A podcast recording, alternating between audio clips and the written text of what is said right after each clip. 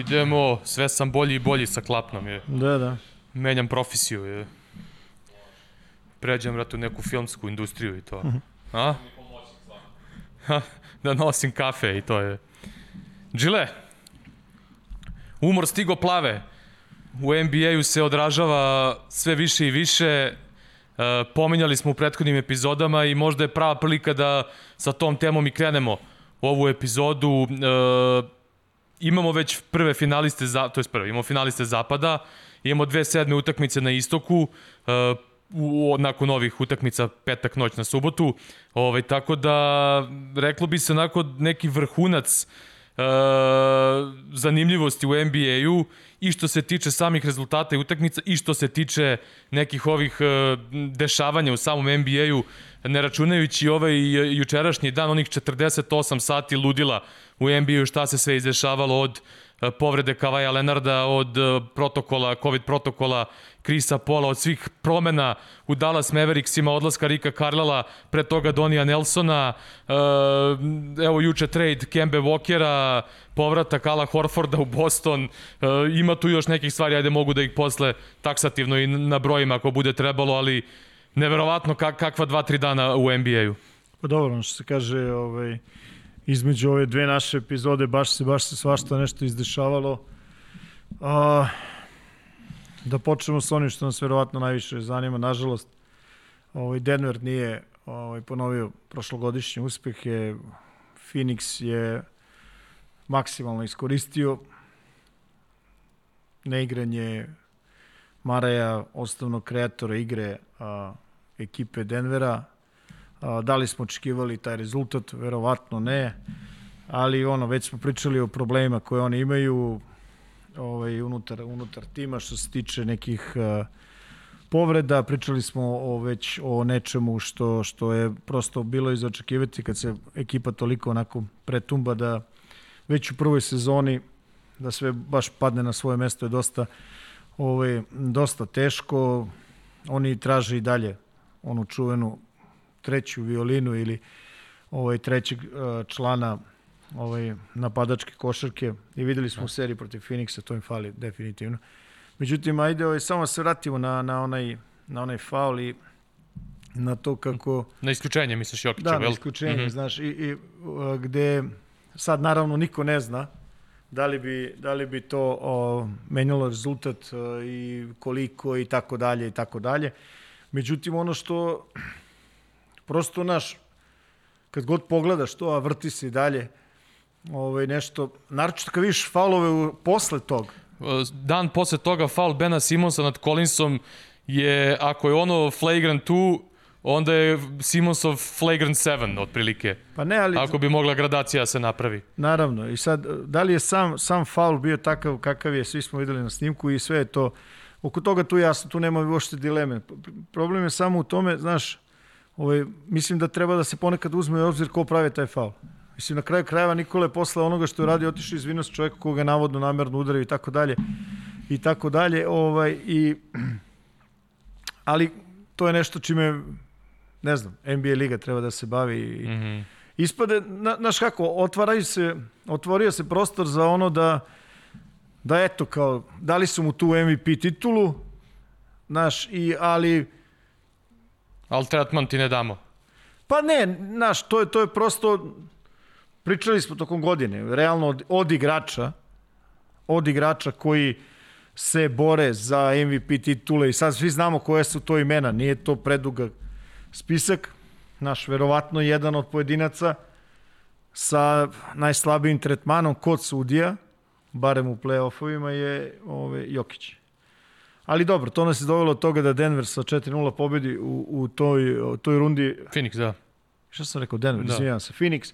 I, ovaj, I čekali su, dočekali, uh, noćas je, noćas je ovaj, završena ta a, šesta utakmica Juta Clippersi, ali da se vratimo na ovo što si pričao oko ovih uh, Oko umora i povreda. umora i povrede, jest. I to je nešto što ja mislim treba, treba da se o jasno i glasno ovaj, razgovara barem o tome. Mhm. Znaš, jel postoje neke činjenice? Činjenice su sledeće. Znači, ova, ova sezona koja je i dalje u toku, jel? Čiji playoff pratimo je krenula, uh, ako se ja ne varam, 72 dana posle završetka ove prethodne. Tako je. Što je, ovaj, generalno uvek je pauza negde oko 4 meseca. Ja i sad budem kao predsjednik, to je, ne znam, 50 i nešto dana kraće. I ta, ta pauza, to je, ovi što se bave ovaj, a, brojkama, došli su do nekog podatka da je to najkraća pauza ikad u istoriji profesionalnih sportova u Americi. Mhm. E sad, naravno, to može da, da zanima i da ne zanima ovaj, ostale ljubitelje košarke, ali prosto to se preliva konkretno kod nas, a posle ćemo pričati o tome, ovaj, tome kako se preliva u našu košarku, pre svega jel, A, a, a, reprezentativno. a najavljivali smo sve to prošle godine Ne, da, da, da bi da trebalo smo- očekivati da će se to naravno desiti. Da smo, naravno da smo, da smo pričali naravno da smo pričali ovaj, o tome. E sad, a, ono što je recimo meni zanimljivo, NBA je izašla je zvanično i iznala je neke podatke kako, su, kako je broj povreda u sezonama, Isti kao da. ali međutim to nije tačno, prosto nije tačno. Znaš, ovaj, ljudi koji su se ponovo bavili time došli do podataka da to, kako bih ti rekao, prosto nije tačno. Pa vidi, i da je tačna čak ta statistika o kojoj oni pričaju, suština nije tačna. Onaj podatak kom smo pričali, uh, povreda Kairija Irvinga, ispostavilo se da on sedmi različiti All-Star koji propušta je, bar jednu playoff utakmicu ove sezone, Da, a nakon toga su se dogodili i Kavaj i ajde, Chris Paul zbog ove situacije, ali eto, ako Chris Paul ne bude igrao na početku, verovatno neće, znači devet All-Starova ovaj, propušta playoff utakmicu. To se nikad u istoriji NBA nije desilo. I ima tu još jed, nekoliko podataka, možda će biti interesantni našim gledalcima i slušalcima. Recimo, ovaj, ovogodišnji all-star igrači, ovaj koji se spomenuo starteri, oni su propustili valjda skoro blizu 20% utakmica. Mm -hmm. Prosek je godišnje negde oko 13. Znači, to je veliko odstupanje. I ono što je frapirajuće, možda još onako ovaj, frapantniji neki, neki podatak je po svakoj utakmici u ovoj sezoni pet igrača, računajući oba tima, pet igrača je bilo na listi povređenih. Bez takozvanih, kako si rekao, COVID protokola mm -hmm. i bez uh, čuvenog uh, load managementa, odnosno preskakanja utakmica zbog eventualno ovaj, umora, odnosno Da, prevencije neke povreda. prevencije povreda. Mm -hmm. Znači, pet po utakmici. To nikad nije bilo. Da. Znači, to, to stvarno nikad, nikad nije bilo. I vidi, vi- e, vidi sad ovo. Znači, već, već sledeća NBA, znači 21-22, o, ne znam, počinje kad? Sredina oktobra, kao i uvek, ili otprilike mm -hmm. tako negde. Da. A ako sam ja dobro video ove predviđene datume finala, mislim da finale ove godine ide čak ono 22. jula.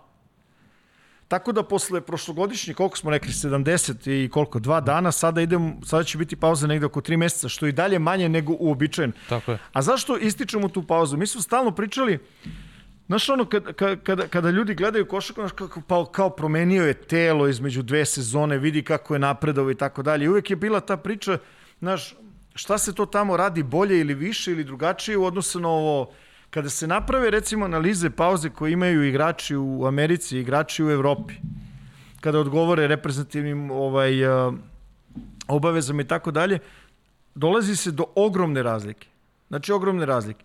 Prosto tamo imaš vremena da se posvetiš ono što se kaže sebi, da zalečiš povrede ako ih ima, da se odmoriš u glavi, u telu, da nastaviš da radiš. Ako hoćeš da dodaješ nešto na sebe, možeš i da prosto imaš vremena dovoljno time da se baviš. Hvala Bogu, sve i jedna organizacija, koliko je meni poznato, se vrlo ozbiljno time bavi preko, preko leta. Čak i šalje svoje, svoje Naravno, trenere, ša- šalje šalješ u trenere tamo u gde zem- ljudi da, žive, Da. tako je. Organizuju se na takozvanim atraktivnim lokacijama neki mini kampovi i tako dalje i tako dalje gde, gde je apsolutni apsolutni ovaj apsolutno se naglašava taj individualni rad. Mm -hmm. Znači ono i dalje se vodi zbog ugovora između igrača i, i lige. Znači ne pričamo o takozvanim uh, kontrolisanim treninzima. Znači ono u prisustvu head coacha i tako dalje i tako dalje, već već o, ne, o, ne, o nečemu drugom. A za, zašto to pričam? Recimo Nikola Jokić koji je MVP ove lige i došao je i zahvalio se na pozivu i saopštio da ne može da igra. Ja ne znam ovaj, osim onoga što je zvanično rečeno. Apsolutno nemam nikakvu drugu informaciju, niti, pod, niti bi je podelio, iskreno ti kažem. Mm -hmm. Ali onako nešto sam uzeo pa sam, se, pa sam čitao ove, ove poslednje dve sezone. Valjda 174 utakmice je Nikola odigrao i na 134 od njih je igrao 30 plus minuta. Mm -hmm. To je stvarno puno. I nisam siguran da bilo ko od nas shvata koliko je, u kakvoj je trenutno situaciji njegovo telo, pa da ne kažem i ono, njegov um. E. Naročito poslove, znaš, mislim... E, to, to ono što sam ja pominjao onda, pro, da li je to prošla epizoda bila, da mi deluje da je umoran ali ne umor, nego da je to neki zamor. I vidi se po nekim njegovim reakcijama, ali imam utisak da cela ova MVP trka, kampanja, kako god hoćeš, da to nije njegova teritorija. On je dečko koji ne voli centar pažnje, koga to opterećuje i uh, mislim da je to dosta uticalo i na njega, ono, kako se zove, i čak taj, cela ta neka priča, on je isticao da bi želao možda da završi karijeru u Denveru, ovaj, da njemu to odgovara što nije taj neki, što bi rekli amerikanci, big market. S druge strane, još dve ozbiljne franšize franšize u dva profesionalna sporta postoje u Denveru, ovaj, tako da nekako, mislim da, da, da ovo što se sad dešavalo, da, da je dodatno njega zamorilo. I, ja mislim da oko toga nema nikakve dileme. Nema nikakve dileme, jer kao što si rekao, potpuno slažem, znači on nije čovjek koji je ono što se kaže, ovaj, uživa da bude pod uh, reflektorima. On prihvata to, zato što je profesionalac i mm -hmm. prihvata da je to deo njegovog profesionalnog života. Međutim, naš, ovaj, kada malo ne trebaš čak nešto puno ni da pratiš NBA, da bi saznao u stvari gde su njegovi prioriteti, da je on generalno porodičan čovek i kome je to vrlo važno i tako dalje i tako dalje, ali ovaj, naš, definitivno je posle te NBA trke za MVP titulu uh, sigurno došlo do emotivnog praženja, psihološkog praženja, naravno fizičko nećemo više ni da ni da spominjem. Mm -hmm. Znaš, jel, a, ako se čitaju njegove izjave posle ovih utakmica sa, sa Phoenixom, znaš, on je nekako uvek bacao na sebe sve to.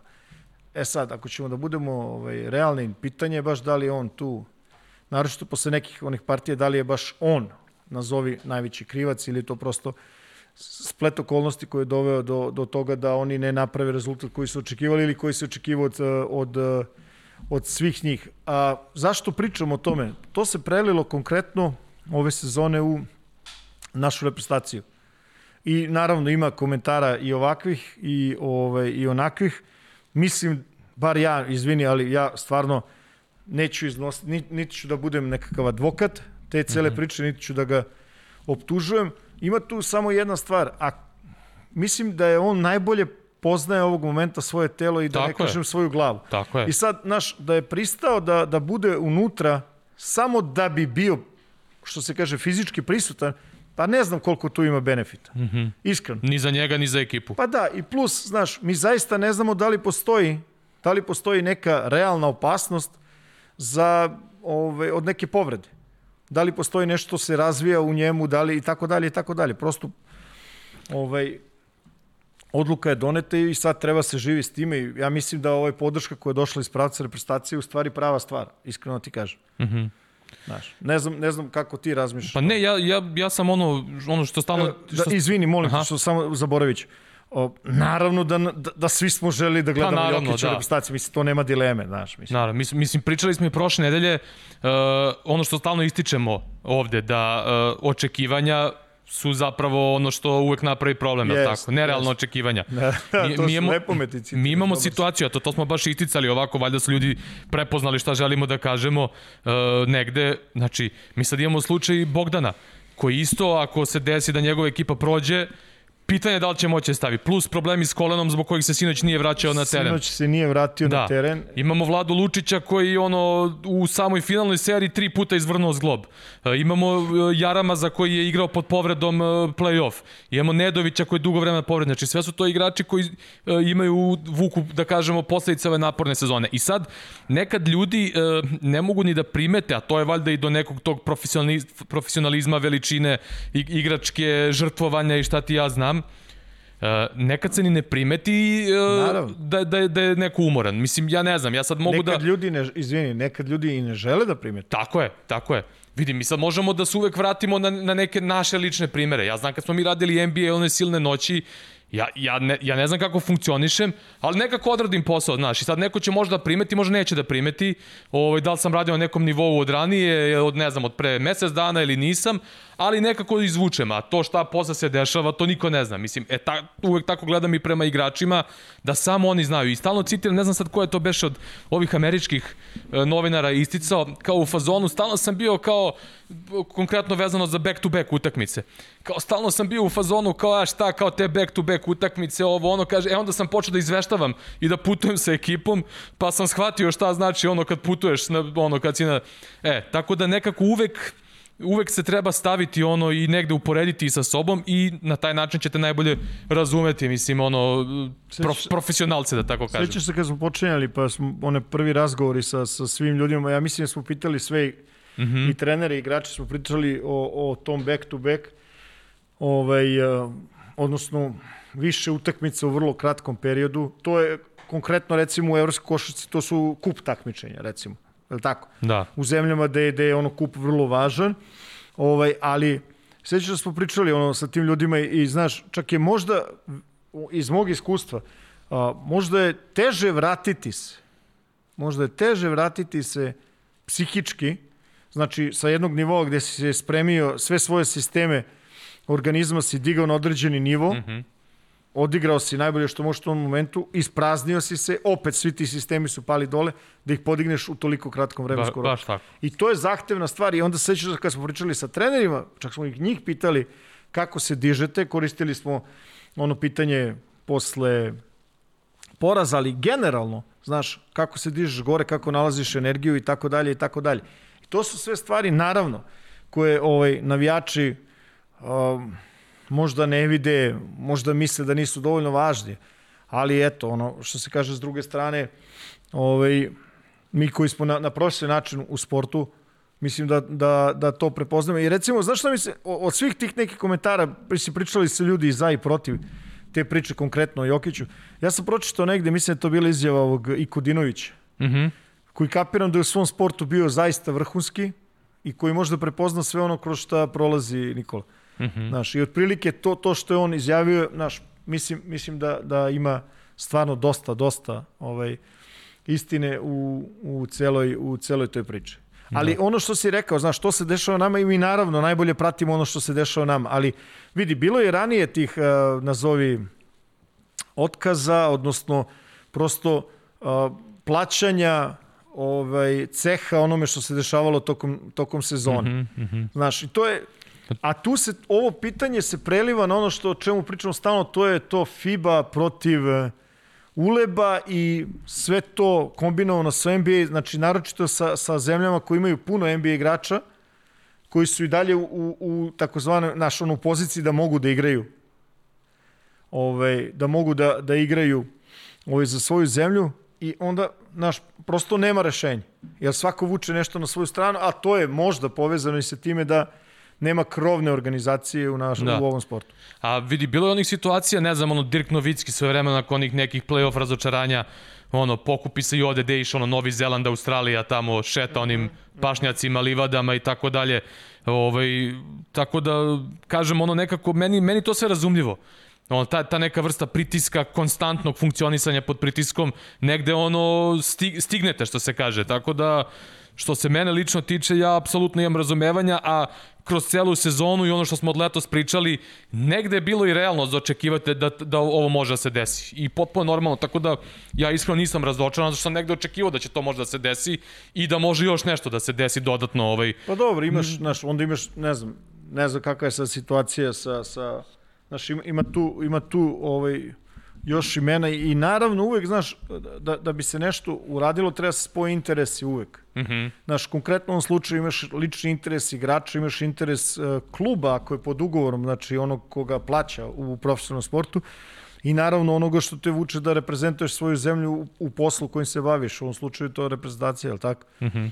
I onako u tom troglu treba tražiti rešenje za buduće, da bi se, da bi se jednostavno smanjali. Ni, nisam siguran da može da se uradi bilo šta da se kaže E, svako okupljanje će svi najbolji biti na okupu. Da. To je vrlo teško. Da, da. Znaš, i, I normalno i u drugim zemljama se to isto dešava.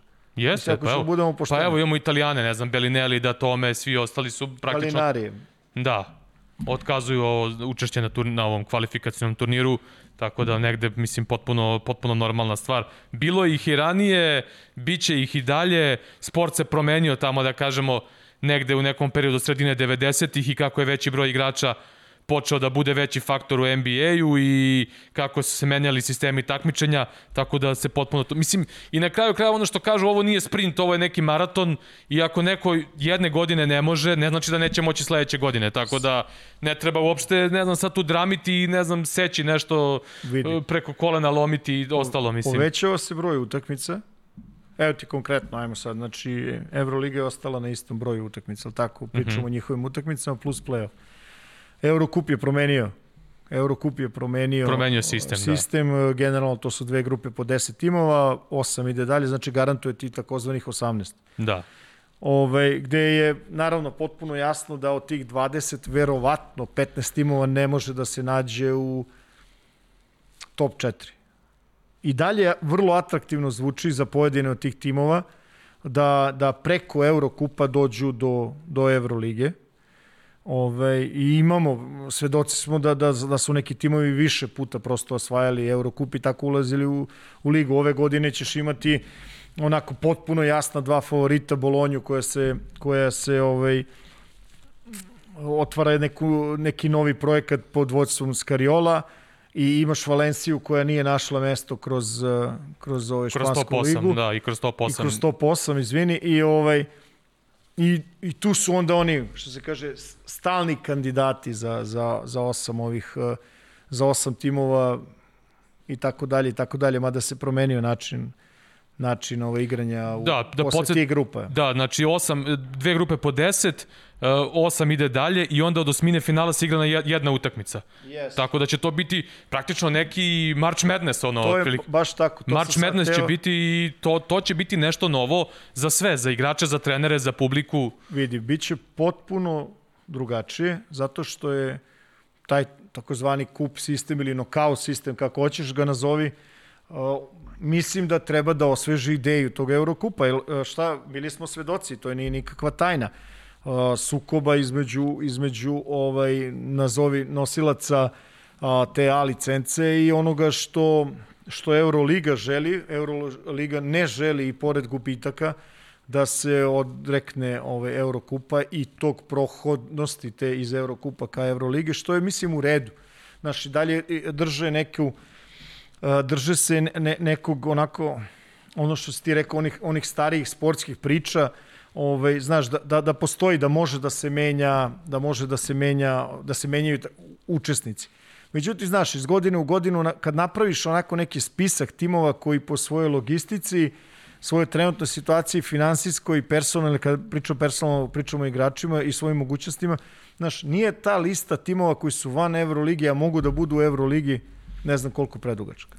Prosto, razumeš, nije. Svede da. se svede se, mislim, ove godine smo bili svedoci naš podviga Monaka, koji stvarno nije bio od početka ono što se kaže u prvoj fioci tih favorita, ali videli smo kako se to završilo, zaradili su svoje pravo da igraju sledeće godine Euroligu i to se isto, ovaj, to isto uradio Unix. Da. Ali ovaj, šta hoću ti kažem, znaš, kad se stalno priča, znaš, stalno je pitanje zašto, da li treba poširiti Euroligu na, na 24 tima sigurno to je jedna od, to je jedna od opcija.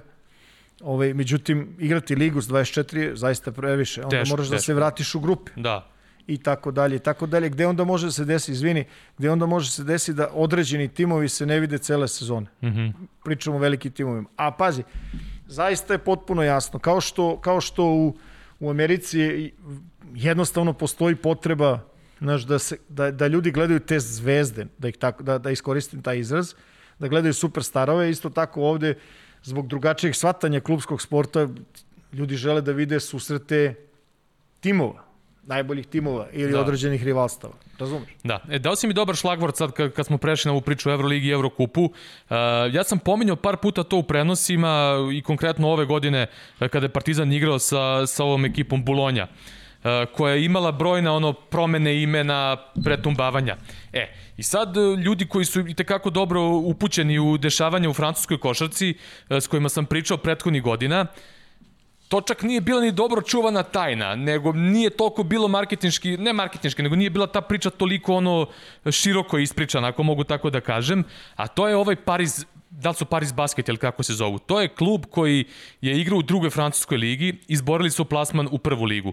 Na čelu tog kluba je već par godina David Kahn, nekadašnji GM Minnesota Timberwolvesa, da. koga su, mislim, između ostalog i napadali na onom draftu što je birao Rubija i tamo Johnny Flina, preskočio Karija i tako dalje i tako dalje i ove, šta sve ne. On je taj klub praktično kupio I evo već, ne znam, to traja, mislim, četiri godine, ako ne i više, tu se slažu neke kockice. Apropo one priče uh, o Parizu, Londonu u Euroligi. Ne, mnogi, nis, da, mnogi, da, mnogi koji znaju tu, uh, tu pozadinu ove priče su smatrali da je to zapravo taj neki projekat koji onako negde između redova se provlači da bude taj parijski projekat. Daću samo primer kakvu je ekipu Pariz imao prošle sezone u drugoj ligi, odnosno ove sezone u drugoj ligi i izborili su. Oni su imali, znači, Rana Boutrajta koji im je završio sezonu, imali su onog Nobela Bungo, Koloa koji je igrao i Euroligu i imali su Amaru Sija iskusnog. Znači, za, za jedan drugoligaški nivo, tri, ono, jedan, jedan je igrač, ono, to je Jedan je sigurno evroligaški bivši igrač i ova druga su, dva su igrali na evrokup nivou. Tako da to je neka stvar koju bi želo da notiramo, čisto da se isprati ove zone koje možda nisu znali za tu priču, da to možda bude neka ta priča, ono, Paris, London, New York, Rim i ostalo, znaš, ono pa kako ne, vodi. Imaš šta je, godinama je to, što kažeš ti, nije ušte ni tajna. Godinama, da, nije tajna, nego ne, samo nije nešto kao... Godinama se priča, znaš, godinama se pričalo o tome da da bi za poslovanje Eurolige vrlo dobro bilo uh, da London može da napravi nekog uh, stabilnog eto Evroligaša, da Paris konkretno, uh, treći centar je bio Berlin mm -hmm. i dalje su se spominjali ovaj, još neki timovi. Generalno, u Moskvi, koja je u svojoj zemlji ovaj, ono što se kaže dominantan centar, imaš vrlo stabilnog e, imaš vrlo stabilnog ovaj predstavnika i os, višestrukog osvajača Evrolige i tako dalje i tako dalje. Ako kreneš dalje imaš ovaj e, kako se zove, izvini. Imaš Zenit koji je onako u, Evo, sad se nametnuo da zaista, i preko Himkija koji jest, je ono jest, u problemima. Jest, oni onako imaju stiču neki rating i u Euroligi. Imaš timove imaš timove iz, iz Istambula, mm -hmm. koji su vrlo konkurentni, imaš timove iz Atine koji su vrlo konkurentni. Sad je tu Milano se vratio jest. na, na scenu, onda, Bolonja pokušava da se vrati, mada nije takav ćeš, centar, ali... Imaćeš dva tima, imaćeš dva tima iz Francuske. Mm -hmm. Naša godinama, ovaj, jedna, od, jedna od činjenice je da francusko košarkaško tržište, kada pričam, kada koristim tu reč tržište, mislim pre svega na a, gledanje francuske javnosti, praćenje NBA, evroligaške košarke, domaćeg prvenstva i tako dalje, je zaista na nekom zavidnom nivou, recimo iznenađujuće više nego u nekim drugim zemljama mm -hmm. i mhm. nekim drugim tržištima. I onda ovo što si rekao je verovatno jedan mogući koraka da se, da se tako nešto da se tako nešto napravi. Ako naravno uh, uzmemo kao realnu opciju da se za nekoliko godina Euroliga po znacima navoda ovaj, zatvori i da se timovi potpišu na neki period od 3 ili 5 godina kako bi olakšali ovaj način funkcionisanja svojim vlasnicima, odnosno ljudima koji ih vode. E sad, pre nego što se vratimo na, na NBA i da završimo ovaj blok priče o evropskoj košarci, da. uh, još jedna informacija se juče pojavila koja bi mogla da ima uh, i tekako veliki uticaj konkretno na sledeću sezonu, a možda i nadalje, vidjet ćemo. To je informacija koju su preneli, uh, preneli kineski mediji, da je dat predlog tamo uh, da, da, od slede, da sledeće sezone u kineskoj CBA neće biti stranih igrača. I to je i tekakav, to će imati tekakav uticaj na tržište pre svega u Evropi, jer veliki broj kvalitetnih stranaca igra u CBA-u koji, koji mi prenosimo posljednje dve sezone na sport klubu, pa su ono ljubitelji košake imali prilike da vide koje su to imena i, i, i kako se tamo igra. Pa jeste, ovaj, ta, ta liga je malo specifična kada, ako uzmeš u obzir neki takmičarski aspekt, ali je definitivno činjenica ovo što si rekao, to je da postoji određeni broj igrača koji zaista mogu da igraju u Euroligi odnosno Eurokupu, ili su već igrali u Euroligi i Eurokupu, da ne spominjem igrače koji su bili da. ili u NBA, bi, u ili NBA ga, ili oko, da, oko ili bi ga igrali, igrali bi sigurno da se nisu otvorila ta dva ja, tržišta Kina pre par godina Naravno, i sada Japan raste, u poslednje dve, tri godine. Da. da kažem, Japan strašno raste zadnjih 3 do 5 godina i, ovaj, i postaje vrlo realan, vrlo, vrlo realno tržište. Uh mhm. -huh. E sad, ovaj, da li će to da se desi, ja ne znam, mislim da je to samo predlog. To je za sad dat da, predlog, da je valjda treba da se izglasa na nekom višem nivou. Ali da je, da jeste važna informacija, važno je, jer kažem, sve što se dešava tu prosto se preliva u našu košarku. Mm -hmm. Znaš, i ovde, i u Srbiji, i naravno u regionu. Prosto, znaš, ne, ne možeš da se izoluješ i, i nikad ni nije tako ni bilo, ono. Prosto, prosto ima velikog uticaja na ono što se dešava i ovde. Da. Dobro, ovaj deo priče smo o evropskoj košarci završili, e, možemo da se vratimo polako na, na, neko, na neke NBA teme. Pa, ajde recimo, ovaj, samo da spomenemo to, pošto mislim da je važno, jer, jer na neku, u neku ruku predstavlja možda novu stranicu u, u istoriji kluba koji je uspeo da uzme ovaj, titulu, a to je ekipa Dallas. Mm -hmm. gde je prvo Donnie Nelson napustio svoju poziciju posle, mislim, 24, 25 24 godine je bio u klubu, a 16 godina na poziciji GM-a. Praktično čoveka koji vodi klub. Jedan od najzaslužnijih za, Sigur. za dolaske i Novickog i Dončića. I... I, da, inače figura koja je dosta ostavila traga i u, i u evropskoj, evropskoj košarci, košarci, naročito preko ove Litvanije litvanskih veza. Mm -hmm. Jest. I način na koji je posmatrao košarku, način na koji je posmatrao evropske igrače, mislim da je to stvarno ovaj, stvarno značajno bilo u to, u to vreme. Karlaj je, što se kaže, pratio pratio Nelsona i onda je ta brojka ovaj, timova koji su promenili trenere ove sezone ostaje još duža. A, New Orleans je smenio trenera posle Jest. samo godinu dana i ono što je zanimljivo, a to je ono što u, u, u Americi je prosto, prosto nekako bih rekao uobičajeno, kod nas to još uvek se dešava, po znacima navoda, iza kulisa, to su te odluke porodice gde će ovaj, konkretno igrač igračica koje, o kojoj se radi nastavljati karijeru vezano zbog nekih drugih stvari. Misliš konkretno na Zajona sad, Zajona Williams, da, gde, gde, mislim, koliko god to nama zvučalo onako malo čudno ili drugačije, prosto, znaš, onako, krenuli su, krenuli su ovaj, priče od toga da neki članovi porodice komentarišu, odnosno vrše pritisak na njega da, da izađe iz, Imali, smo, imali smo tu situaciju negdje sa Kavajijem, ono u San Antoniju. Sigurno.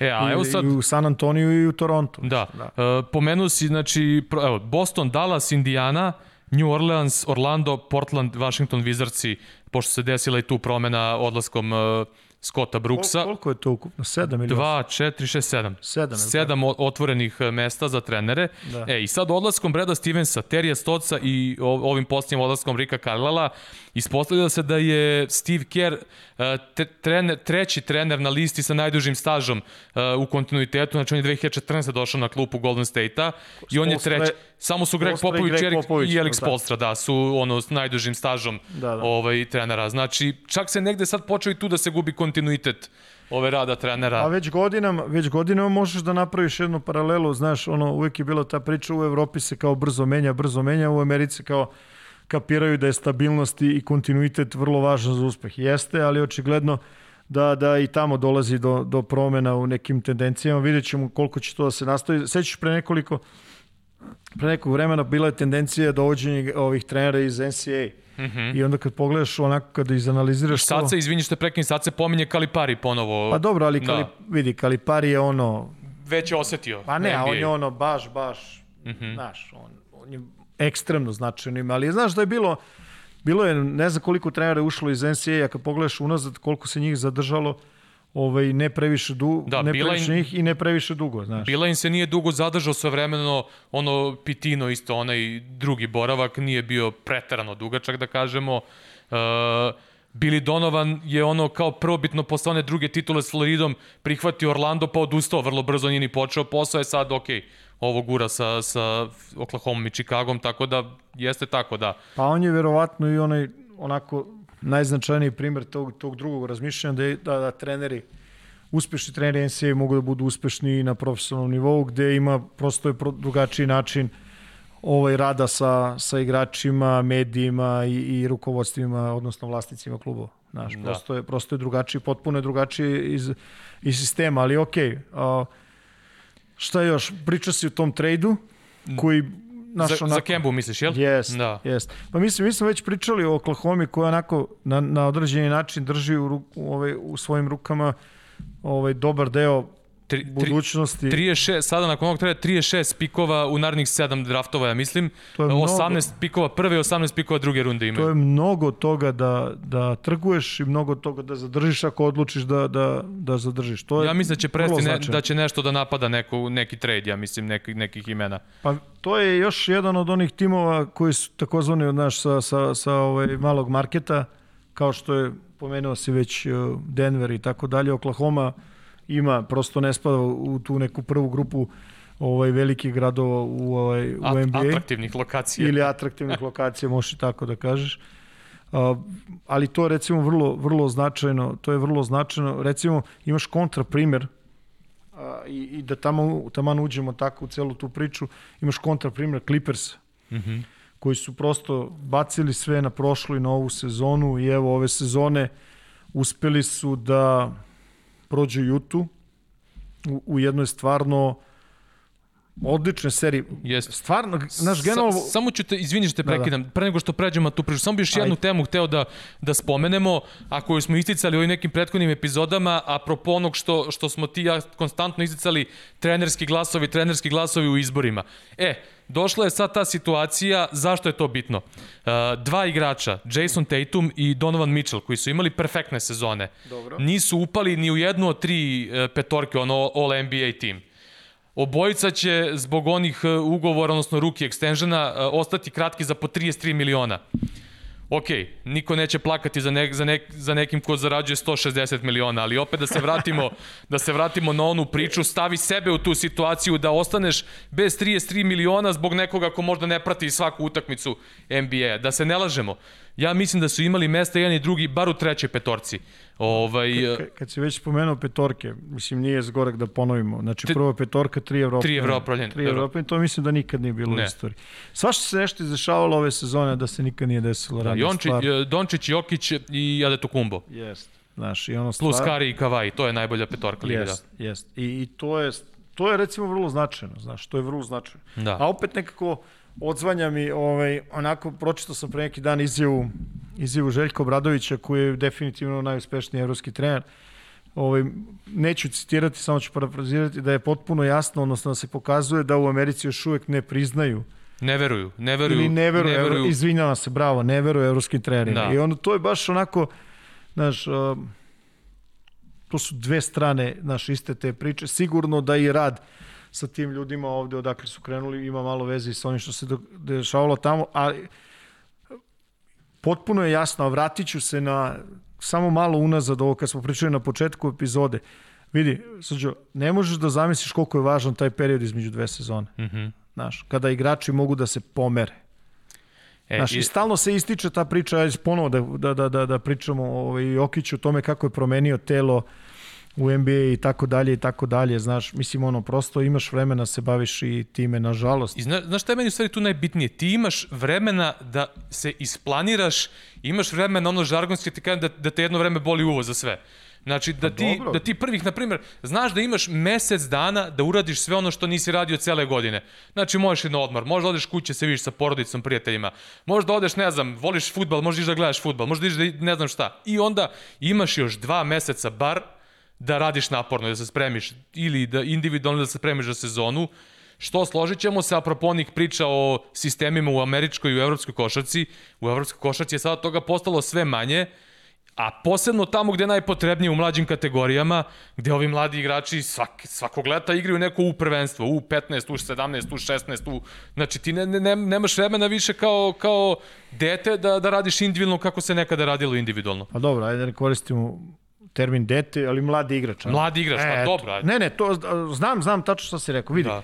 To je od uvek bilo to pitanje vezano za, o tome što si rekao, znači, ti završiš takmičarski period, takozvanu sezonu, seniorsku ili juniorsku sezonu i iz jednog načina rada pređeš u još zahtevniji takmičarski period, zato što u malom vremenskom periodu okupljanju, takozvanom okupljanju reprezentacije, recimo spremanju za U18, 19, 20, što su vrlo, vrlo ozbiljna takmičenja na ozbiljnom mm -hmm. nivou, ti praktično iz takmičarskog pređeš u još jedan takmičarski mm -hmm. period. Razumeš? I to je sve pod uslovom da si super zdravi, da se, znaš, da se razvijaš kako treba i tako dalje. Plus taj period, ti periodi su vrlo vrlo osetljivi, jer upravo između 18 i 20 godine se gubi veliki broj tih veliki broj tih igrača ili odnosno ono što se kaže, momci koji su bili, devojke koji su bile talentovane, koji su, naš, računalo se na njih, prosto ne dostižu do nekog nivoa koji se očekivalo. Apsolutno ne ulazimo sad u razloge, ali, ali to se prosto dešava i to takođe nije ništa novo, ali naš, ne vidim ni kako može da se promeni. Da li da se ovaj, prvenstva održavaju sa manjom frekvencijom ili da se spajaju godište ili da, mislim, vrlo je bitno. S druge strane, znaš, problematika mladih igrača, zaista igrač od 16 ima veliku razliku u odnosu od 18, 18 do 20, tako dalje, ali ne samo košarkaški gledano, nego i prosto i zbog... Razvojno i... Ne, ne, ne, ima tu, ima tu jedna stvar, razumeš, koju, koju prosto ljudi ne pričaju, u 16. godini ti se još uvijek po znacima navode igraš košarke na neki način, o, van terena, po znacima navoda. Znači, ne planiraš svoju karijeru, mada ima i toga sve više, naravno. Mm -hmm. Već sa 18 godina, znači, prisutni su, uh, prisutni su ovaj, uh, prisutne su stvari koje, koje su van terena vrlo važne, znači mogućnost, odnosno obaveza potpisivanja prvog profesionalnog ugovora, rad, rad sa predstavnicima, rad sa klubovima, eventualno odvajanje od kuće i tako dalje. Znaš, sa 20 ti si praktično već senior. Mm -hmm. I to su potpuno tri različite priče. I naravno, ajde, sad nismo spominjali, to je u 19, u 17, kao neke, neke ovaj periodi između. I to je onda, ono što si rekao, znaš, uh, jeste predstavlja problem. Zaista predstavlja problem. A s druge strane imaš puno država, zaista puno država, puno klubova po Evropi koje imaju onako sezone koje traju maltene po šest meseci zbog finansijskih problema. Da. Znaš, I to je potpuno tačno. To je potpuno tačno. Jednostavno, o, e, ajde da probamo da se okupimo što kasnije, ajde da probamo ako ima stranaca, dovedemo strance što kasnije, ajde da završimo što ranije, da imamo što veći period a, praktično bez, bez ove, nekih e, finansijskih izdataka. I to je realnost, i to je prosto tako. Ali ajde da se vratimo malo na NBA. Ajmo da pređemo onda na aktuelnosti kada je NBA u pitanju, sjajne serije, e, zaista, ja ne znam, ono, mi smo ono birali kao koje su nam u startu najbolje serije, međutim ja ne znam, ono, Ju, Ma, do, Ju, Utah Clippers je fenomenalna, Milwaukee, Brooklyn fenomenalna, uh, i, evo u sedmu ode i Filadelfija i Atlanta, zaista sjajne, sjajne serije, puno prilagođavanja, puno taktičkih te, trenerskih minijatura, sjajnih individualnih izdanja igrača. Da. Pa dobro, ajde da se, da se vratim prvo na zapad. Nešto smo malo rekli o, o Denveru i, i ovaj, Phoenixu, ali tako? Phoenix čeka, čeka ovaj, u... Clippers na kraju. Clippers na kraju koji su uspeli da, da, da pobede Jutu. Uh, potpuno su preokrenuli Ja rekao Honda... Seriju iz 2-0 u 4-2. Da, na svoji su teritoriji, rekao ono prošle nelje na 0-2. da, na 0-2 i ovaj i ostvarili su ja mislim da to je istorijski istorijski ovaj uh, uspeh uh, to je prvo, prvo finale, finale konferencije. konferencije ikad, je tako za za Clippers je nešto se očekivali prošle godine sa sa potpisivanjem Kavaja Lenarda spajanje tog uh, tandema George ovaj Leonard ono što je mnogo kako bih ti rekao a nije važnije ali čini ovo još većim dostignućem je to što su oni uspeli da urade bez svog prvog igrača. Mm -hmm. I čoveka koji je onako ovaj, lider na obe strane terena, što se kaže u odbrani i napadu, a, praktično naneli su Juti dva poraza, četiri za redom, Juta koja je imala najbolji rezultat u NBA ove sezone, četiri poraza za redom u najgore moguće vreme, naravno, u play-offu i, i eto, drugu godinu za redom nekako a, te neke svoje partije i taj neki taj neki ovaj potencijal a, ostaje ostaju nekako nedorečeni. Istine radi stvarno imali su problema sa sa Conlijem, sa, sa Conlijem koji je vrlo važan igrač koji je na na ovoj šestoj utakmici igrao.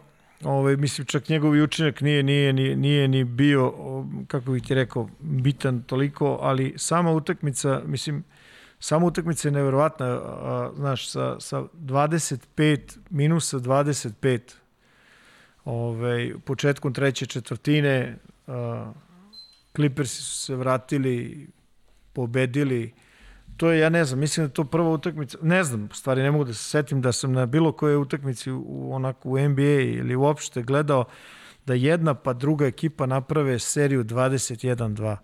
Znači, to je prvo uradilo, ja mislim da su ovi uradili u, u drugoj četvrtini, Clarkson, ne znam, 17 pojena za redom, pa je onda počelo ovo maltretiranje ovaj, Jute od strane Clippersa u trećoj četvrtini da bi se to završilo pobedom njihovom i, i u seriji od 2-4 gde a, praktično smo videli na, na delu ono de, definisani small ball. Mm -hmm. E, i to je ono što sam ja pominjao za Jutu kada smo pričali da vidimo da li će ove godine moći da taj neki svoj limit prebace i naprave neki veći rezultat. Sad kad se vratimo, on, ta ključna stvar koja je meni bila interesantna da vidimo da li, da li će imati taj neki individualni kvalitet, jer oni su sve pretko, svih prethodnih godina, ne računajući prošle godine Denver, ali i to generalno, uh, ispadali su dva puta od Houstona i jednom od Golden State-a nakon dobrih sezona i svaki put su imali problema sa protivničkim small ballom i yes. konstantnim switch odbranama. Yes. I yes. kad je došlo u ovoj seriji opet to kad je Tyron Lu počeo da igra u mnogo većoj količini vremena takvu vrstu odbrane, plus onaj neki next su igrali, ako sam dobro video, na Mitchellu i to, udvajali ne, ga. Ne, nije, mislim, I on, smanje, terali su ga da... Da, da se oslobodi lopte. Jeste, da, da rušili su mu potpuno tajming igre ovaj, u 1-1 u toj izolaciji su sa, sa, ovaj, dolazili su sa prvih pozicija sa, sa ovaj, s prvog dodavanja. Da. Ali, mislim, ge, znaš, sama utakmica, kad pogledaš naš prvo polovreme, ne znam, 72 poena Juta dao, mm -hmm, da bi mm -hmm. ovi dali 80 i koliko, 80 poena ili 81 u drugom. Mislim, e, u onoj jednoj utakmici, ja, ja imam podatak, mislim da to bila, da li, ne ova, nego ona prošla da Juta za četvrtinu i po u prvom poluvremenu dala više trojke nego za celo finale 98. kad su igrali ovaj, da. protiv... Pa ne, Koliko su beše, mislim, oko su 17 dali beše trojke u prvom poluvremenu prošle utakmice i onda su još samo tri dali u drugom e, i to je bilo ali, ali, pred kraj sve. Ali generalno, znaš, ovo je najveći, ovo, ovo večeras, noć stvari, bio najveći, mi, mi ovo snimamo u subotu, ovo je najveći povratak ono, u zadnjih 25 godina utakmicama nekim koje odlučuju. Znači, mm -hmm. u ovom slučaju odlučuju o prelasku u sledeću u sledeću rundu, znaš, i onako šta je, šta je karakteristično bilo za jedne, za druge, ovaj, trener Clippers Tyrone Lud se potpuno je skratio, skratio rotaciju, praktično ovi starteri, Beverly sa klupe, a, ovaj, i ono što je zanimljivo, ovo što, a, a vezano je za to što si rekao o small ballu i Jutinim problemima, u drugom poluvremenu, znaš, koja je izgubila, koja je izgubila ovaj, Juta S kojim rezultatom? 80 prema, ne pojma, nešto puno. Ove, Gober je bio 24 minuta na terenu. Da. Sva, na, I njegov plus minus odnos je bio, ne znam, 30, 34. Nula blokada. Ne, to čak I... nije ni bitno, ali vidi, sad, kada... Ali ga razvuko Terence Mann na perimetar pa, totalno. Da, jeste, i ok, taj Terence Mann je dao, ne znam, 39 poena u utakmici, što je U prvih pet je recimo dao 25 pojena zajedno. Generalno tokom sezone ja sam baš gledao nešto valjda daje 17 7 poena čovjek u proseku, da, da, da. čak ni te trojke njegove čak nisu ni čisti znam, šuter, da. Pa ne, znaš, čak on po utakmici ne daje u proseku, ne znam, daje 0,8 trojke, ali vidi, na ovoj utakmici na ovoj utakmici čovjek dao 10-7 Uh mhm. -huh. da bi u toj trećoj četvrtini dao 20 poena, naš I, šut ukupni 21-15, ne, nenormalno. Nenormalno. I znaš što je zanimljivo? U tu celu njihovu priču, gde oni izlaze razum, sa, sa, sa, sa Georgeom, sa, sa Batumom i tako dalje, odjedan put kao, kao čovjek odluke, ovaj, naročito u toj četvrtoj četvrtini, i moram to da podvučem, bio je Reggie Jackson. I u prošloj i u ovoj sad utakmici. Jeste, u obe te utakmice da. i prosto, o, naš, od tih nekih ukupnih njegovih 25 poena, 22 22 poena i 10 asistencija, nevjerovatno u četvrtoj četvrtini, mm -hmm. to je mhm. nevjerovatno. Ali, znaš, s jedne strane, onako, mo mogo je da se očekuje ovaj, neka vrsta prilogađavanja Snajdera, međutim, on je, ono što ga je dovelo do te utakmice, on je ostao ovaj, tvrdo u tome i to je, to je okej. Okay. Da li će mu to neko zamerati, ostaje da se vidi, ali znaš, generalno neverovatno šutersko veče. Clippersi, naš, on drugo mislim, ne znam, 70% u drugom polovremenu ili, ili nemam pojma, sam zapisao sebi nešto, ne znam. I generalno kroz celu seriju su jedni 70, i drugi odlično šutirali a, za tri. Naravno, znaš, nevjerojatno, i onda posle pričat ćemo malo, naravno i u istoku, znaš, kada uporediš šuterske, ovaj, šuterska raspoloženost ovaj, utakmi, timova sa istoka i timova sa zapada, ogromna razlika. Znaš, ogromna razlika. I onako, gledaš Clippers i onako zaboraviš da je, ne znam, Kavaj Kavaj ovaj, povređen, tek zaboraviš da je i Baka fali, recimo. Da, Znaš, da, niko da, se toga da. ni ne seća, ono maltene i tako dalje, i tako dalje. Onda, onda dođeš do, do, do toga da, da, da Beverly, recimo, koji je drugo polovreme posvetio tome da Mitchell što teže prima loptu i da kad eh, primi loptu da je se oslobodi što pre, to je definitivno bio bio ovaj neki neki ovaj njihov dogovor posle prvog poluvremena kojem je dao ne znam 22 poena ili tako nešto ovaj sa, sa, sa pet trojki natrali su ga na, na potpuno drugačije ono 4 od 13 to ali u sve to vreme znaš zadnja četvrtina Reggie Jackson 22 poena i Patrick Beverly, ako sam ja dobro ispratio, 11 poena u četvrtoj četvrtini. Mm -hmm. I na sve to još Batum. Uglavnom, naš Batum ono... koji ono neprimetno ga svugde ima. Pa da, on, on, on, on igra ono, što se kaže od 2 do 5, od 3 do 5, znaš, svugde se koristi.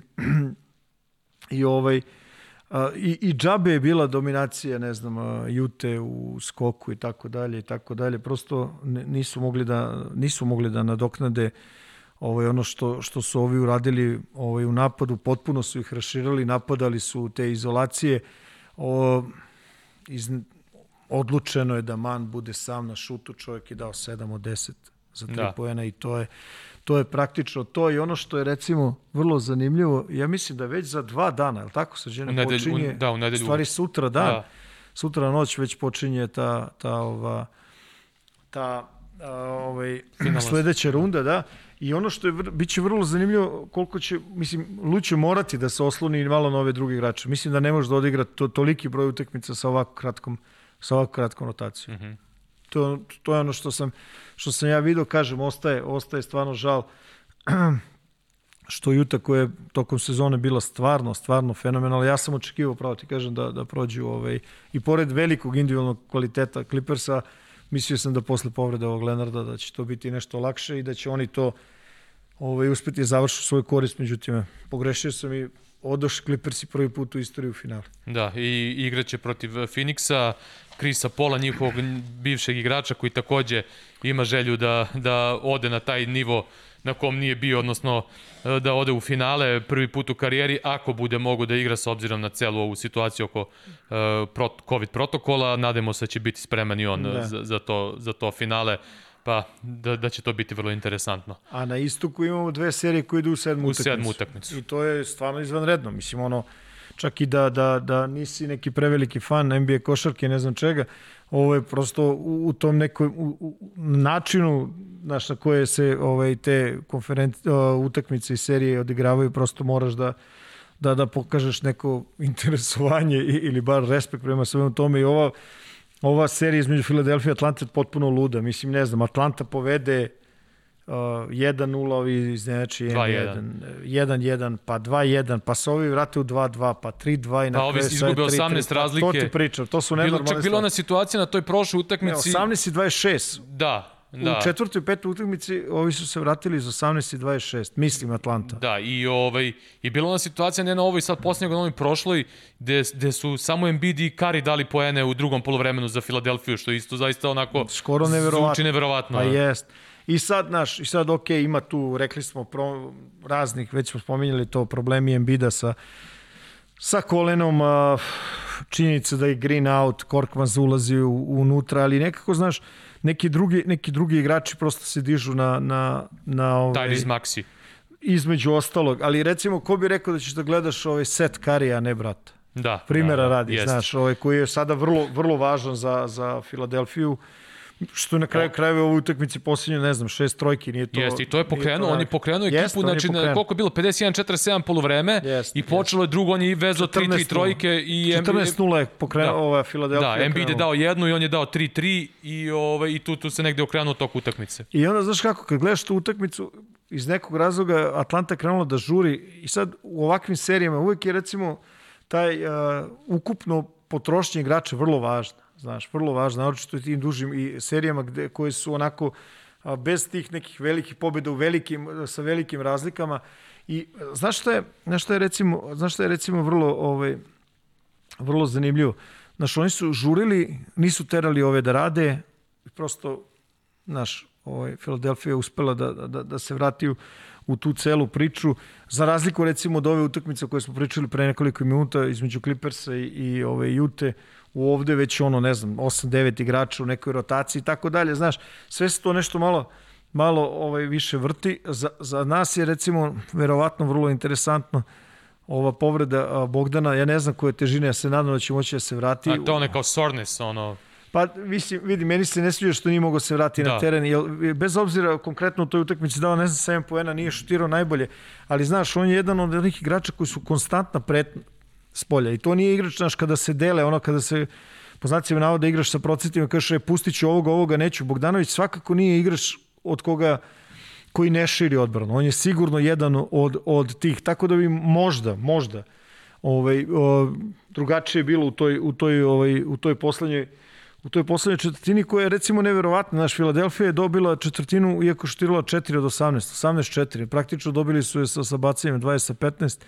I ono što je vrlo važno, videli smo, znaš, da je Filadelfija bila dosta mnogo sigurnija sa, sa linije slobodnih batanja, pa se čak desilo i da ovaj Simons ubaci 4-2 koji šutira čovjek, ne znam, valjda 39-12 Tako, u seriji, da, nešto da. jako I, ono su ga, uh, ona, hekovanje u onoj prošloj pa, da, utakmici da, pa, je dovelo do toga, pa, ima 4 od 14, ta strategija, ono, kao ono Jim Valvano svoje vremeno, ono čuveno i pobedi protiv North Carolina kada je namerno pravio faulove i tero ih je da, da ulaze u maler, da razmišljaju previše. Pa dobro, to Da, da. Da, to, je, to su, ne, znaš, to su stvarno onako, to su stvarno nevero, neverovatne brojke, ali kažem ti, ono, ušla je serija u, ušla je serija u sedmu i stvarno, znaš, kad se svede to, ovaj, mislim da sad čak nije ni bitno gde se igra. Znaš, on da, da, da, se da. na 48 minuta i ko bude bio raspoloženiji, ko bude bio u fokusu, ili ono što, ako te nešto nauči ova, ova serija, generalno ovaj playoff ove godine, znaš, ljudi se vraćaju iz velikih minusa, evo pričali smo Clippersi 25, Hawks su vratili iz minus 18, vratili se iz 26, sad se Filadelfija vratila. Pa i Brooklyn, ono isto, i Brooklyn, u toj seriji naravno, isto u ovoj seriji. Znaš, to je onako baš... Uh, mislim, lepo je za gledanje, znaš. Jest, definitivno, jest, jest. definitivno je uzbudljivo i, i drugačije, mislim, razumeš. I ostala je ta poslednja da, serija, šta je, je ostalo? To... Uh, Milwaukee i, i, ovaj, I Brooklyn. I Brooklyn, koje je isto ono čemu smo pričali na početku, znaš, osakaćena zbog, zbog povreda. Praktično, ovaj, I jedni, koliko? Mislim... Kairi je igrao koliko?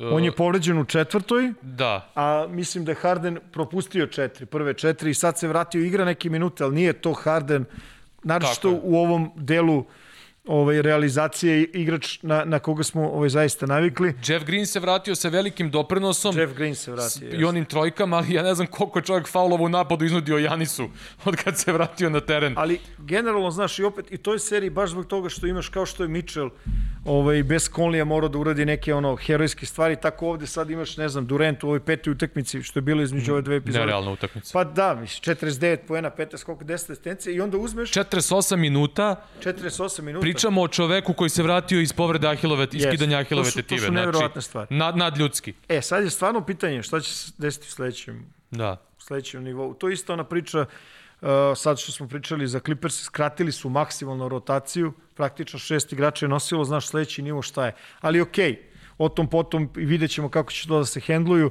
da, da se hendluje, samo da se, da se vratimo na Durenta, koliko je, koliko je neverovatan ta, ta peta utakmica njegova.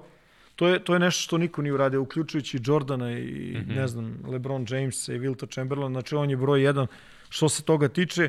A ono što je vrlo, one, ovaj, vrlo zanimljivo, a bit će vrlo zanimljivo za, za finale, on provodi oko 40 minuta na parketu i to mhm. je stvarno puno, apropo ovoga što si rekao, 48 minuta za igrača koji je vraćao se iz iz vrlo teške povrede. Pazi, čak i Harden tu utakmicu koju je igrao, igrao je 46, 46, tako nešto, što je isto tako do, dokad iz one što ti kažeš podmukle povrede zadnje lože. Jeste, znaš, ok, spremili su ga i stvarno, da, vidiš da ta njegova čuvena promena tempa nije sa maksimalnom silom i, i brzinom, sve to ok, očekivano, ali stvarno da izađeš na parket i igraš toliko i u redu. S druge strane, ono, ne znam kako ti opišemo što rade Janis i Middleton. Mm -hmm. Znaš, to je, to je skoro, ne znam, neverovatno. Ovo je ova utakmica, koliko sa poslednje, šest su dobili, ne znam, 104, 89, oni su ponovo dali, ne znam, 68 pojene. Mm -hmm. Pričali smo o procentu koji je jedan tandem imao da, u no, okviru... Da, su imali 80, skoro 80% datih pojena njih. Znaš, to su, to su neverovatne stvari. Ono što je bitno, ovaj, za njih je da da su ovaj, uspeli da, da pobede uh, generalno i sa, sa vrlo lošim šutem za tri poena. Mm -hmm. Znaš, to je ovaj, uvek bio nekako njihov problem, jer znamo da, da ono, kao kad igraš protiv Janisa, stvarno moraš da ono što radiš, da, da praviš onaj takozvani zid, da skupljaš prvi dodavanje, da puniš reket. A, a pritom, što dodao bih da, da o, pošto stalno kritikuju Majka Budenholzera za neka prilagođavanja i tako dalje, da. uh, ja bih isto kao ofanzivnu igru Janisa Detokumba, koga više sad koriste kao skrinera, više... U, pa on je roller postao, da, roller postao Lopez je igrač koji širi. Tako je. Ali vidi, baš zbog toga, zbog toga što Durant igra u, u seriju kako igra sa, tri, sa više od 33 poena u proseku Znaš, ono, maltene niko ne priča Janisa koji je takođe na 30+. Plus. Da. To su neverovatne stvari gde je on skoro 13 pojena i tako dalje i tako dalje. Znaš, i ono, stvarno, a, mislim da su našli način, mislim, generalno oni će morati da, da, da uvek limitiraju napad protivnika da, da bi pobedili. Znaš, ono, i meni se sviđa što se ne takmiče u, sa Brooklynom u tome ko može da više poena, mislim, mm -hmm. to, je, to je način da, da, da izgubiš. Međutim, ovaj, 3-3 je ponovo sedma utakmica nas čeka ne da. znam, ne, ne, ne bih se usudio da nekome dajem neku Isto, veliku, ja. veliku prednost, znam samo da, da jedva čekam da, da pogledam tu tekmu. Tako je. E, I za kraj cele ove priče, jedan topik uh, onako iz trenerskog ugla da probaš da, da, da nam objasniš. Uh, dosta se priča o toj nekoj tendenciji u modernoj košarci uh, da najbolji igrači više ne čuvaju najbolje igrače. Da. I, e, da li je to zbog e, štednje energije? Da li je to zbog činjenice da je košarka mnogo više se igra sad kroz protok lopte i tako dalje, da, da je mnogo više igrača nekako uključeno napadački ili je to nešto treće? Kako, kako pa ti to vidiš? Ima, Jel da. dosta i ovih sad nekih trenera koji su i dalje u, u ovoj modernoj košarci koji su radili ono nekada ili igrali nekada, vole to da istaknu kao, ne znam, Jordan Rani ono, uzme najboljeg i čuva ga, ne znam, i još mnogi drugi igrači. Sada, evo, dosta je priče bilo na to da li Mike, e, na, na, pričalo se o tome da li Mike Budenholzer treba da dozvoli Janisu da čuva Kevina Durenta koji ih je uništio, Taker je odradio što je mogo da odradi, a ovaj, da, da li je bar trebalo da ga stavi poslednjih, ne znam, 8 minuta utakmice da ga čuva u onoj utakmici kad ih je razneo, ili da li treba u sedmoj utakmici Janis da, da, da pa ga čuva? Je, srđe, uvek je lakše ono, što se kaže, znaš onu priču posle tekme ili posle... Su Bitke svi, su svi pametni, da. Jest, to je okej, okay, i to je normalno. To mm -hmm. Potpuno normalno.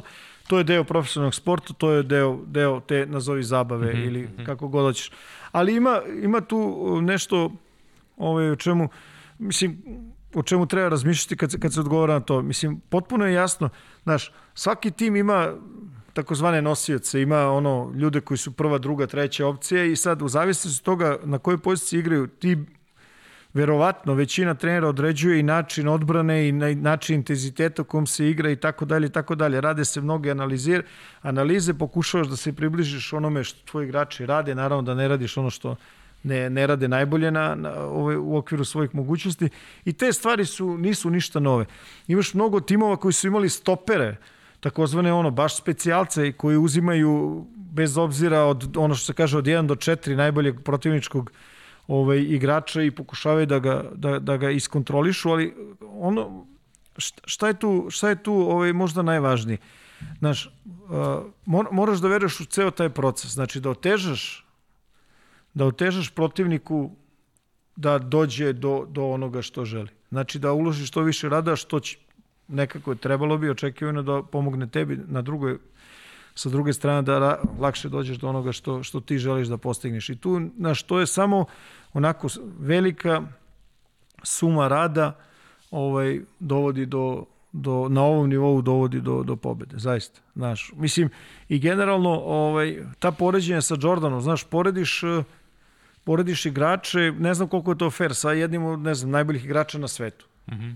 Znaš, ok, on je možda imao energije, zašto očekivati da, da i drugi imaju, uh mhm. -huh. da i drugi imaju to, ali recimo imaš u svakoj seriji, recimo Taker je izraziti, složit, složit će se on izraziti defanzivac, a, recimo imaš, evo, spominjali smo večeras Beverlija, koji pored toga što je odvojio, pokušao da odvoji Mičela i tako dalje, to je vrlo važnoj utakmici, na kraju eksplodirao i sa 11 pojena u četvrti da. što generalno nije njegova karakteristika. E sad, ako možeš da spojiš igrača koji igra dobro u odbrani, zaista dobro odbrani, znači terate da radiš, drži fokus, ne pravi glupe faulove, ne pravi faulove van igre, ne dopušta ti takozvani lak poen istovremeno je deo sistema u napadu. Pa to je ono što se Pri, kaže pritom imamo, win-win. Da, to da približimo našim slušalcima, imamo dosta igrača koji su ono, kao help defenderi mnogo bolji. Naravno, Koristiš, ne znam, visinu, Naravno. dužinu Pa i tako dalje. to, znaš. Čak smo imali one primere, Jill, ne znam da se sećaš, mislim da je Chicago to stalno radio protiv San Antonija, e, da su e, odvajali Kavaja Lenarda.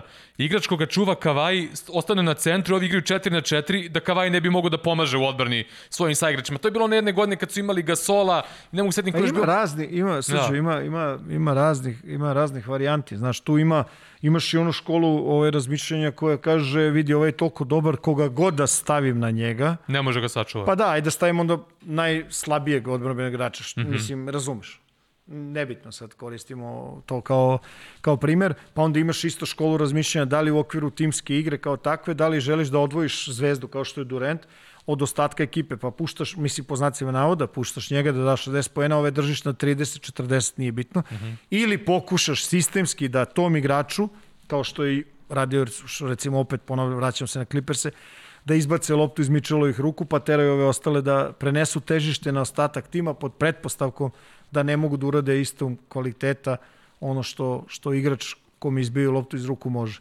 I to je sad ono, znaš, kad kažu moraš ove današnje košarci, znaš, ne znam, šut je vrlo važan, šut s polja da možeš da raširiš i tako dalje i tako dalje, ali da se vratimo ono što smo pričali o Juti više puta, znaš, a, kad imaš te ekipe sa, izva, sa izvanrednim defanzivcima ili recimo kad igraš u, u napadu sa centrima koji nemaju naviku da kažnjavaju mismatch, onda sistemski odradiš da li da napadaš s polja ili unutra, znaš, ok, ima trenera koji vole da kažu ono, ide se od situacije do situacije, ali znaš, mislim, nema tu jednog rešenja i nema najpametnijeg rešenja. Da. Dobro, znači čekaju nas vrlo zanimljive ovaj, utakmice u nastavku play-offa. E, Za kraj ostalo najavimo našeg gosta.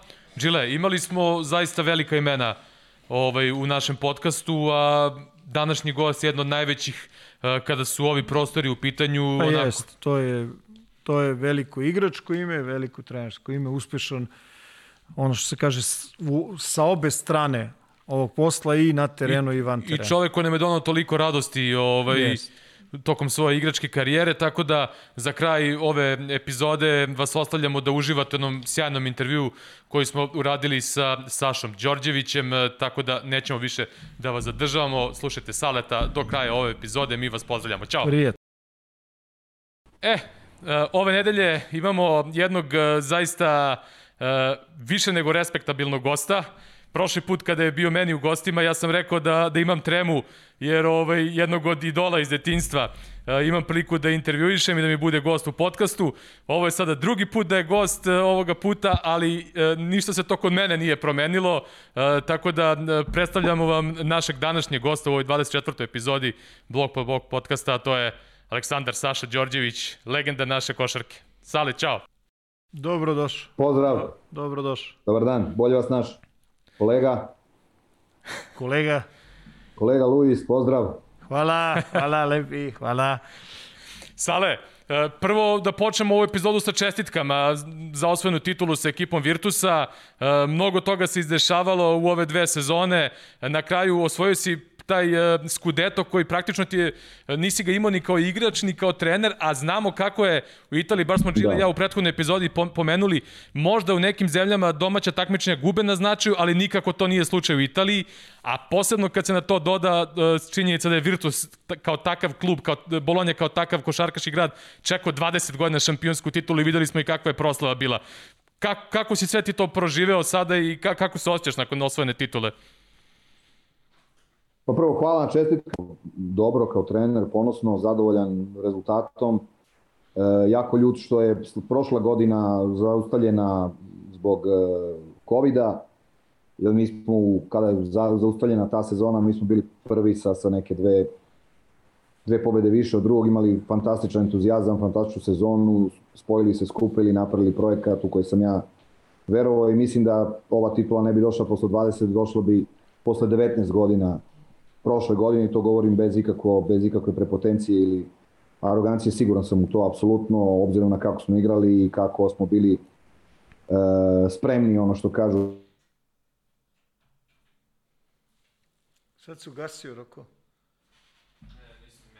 uh, igru uh, u Eurokupu, uh, gde smo i tu prekinuti zbog korone prošle godine i tek smo prvi put ove godine uspeli da odigramo neke play-off utakmice i da vidimo na kraju krajeva i kako neki igrači mogu da odreaguju u tim utakmicama koje su na nož, koje su na poen, koje su jako važne, kako pritisak, stres utiče na sve njih, tako da je to sve bila to jedna nova nova, novo, novo iskustvo za sve nas e, i za mene koji to naravno morao sam da analiziram, ali je na kraju krajeva e, rezultat e, došao posle 20 godina titula sa jednim lepim 10-0 u play-offu, sa jednom lepom igrom, po mom mišljenju, jako dobrom igrom, ja uvek kažem, važan je rezultat naravno, ali negde je za mene jako, jako važan način na koji smo igrali. Mislim da smo igrali na jako dobar način, kvalitetan način da je ekipa pokazala izuzetno, izuzetan fokus, koncentraciju, veru u ono što radimo, da smo sve to sručili na teren i za to smo dobili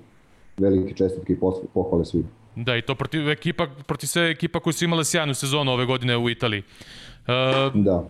Bilo je svega tokom ove sezone, da se ne vraćamo i da ne zalazimo u to, ali nekako jedan od glavnih utisaka, je, baš i kada je cela ona priča bila tokom sezone, nekako analizirali smo, pričali smo kao ovo je stvar koja će odrediti sezonu. E, moje neko mišljenje je bilo da ćete kao grupa još više da, da očvrsnete, na kraju se to i pokazalo tako, a na kraju smo videli ovu proslavu sa igračima, ja sam u šali rekao ono kad, sam ti čestitao ovaj, da me do, do, sada me najviše zanimalo šta si rekao sa Bonisu, ono 95. a Tinija sad me zanima šta ti je Belinelli rekao ovaj, na, na, na kraju utakmice. Ili tako ja da, da, ili ti njemu, da. Tako da ovaj, na kraju taj neki odnos i ta proslava sa igračima je pokazala zapravo kakva ste grupa bili ove godine.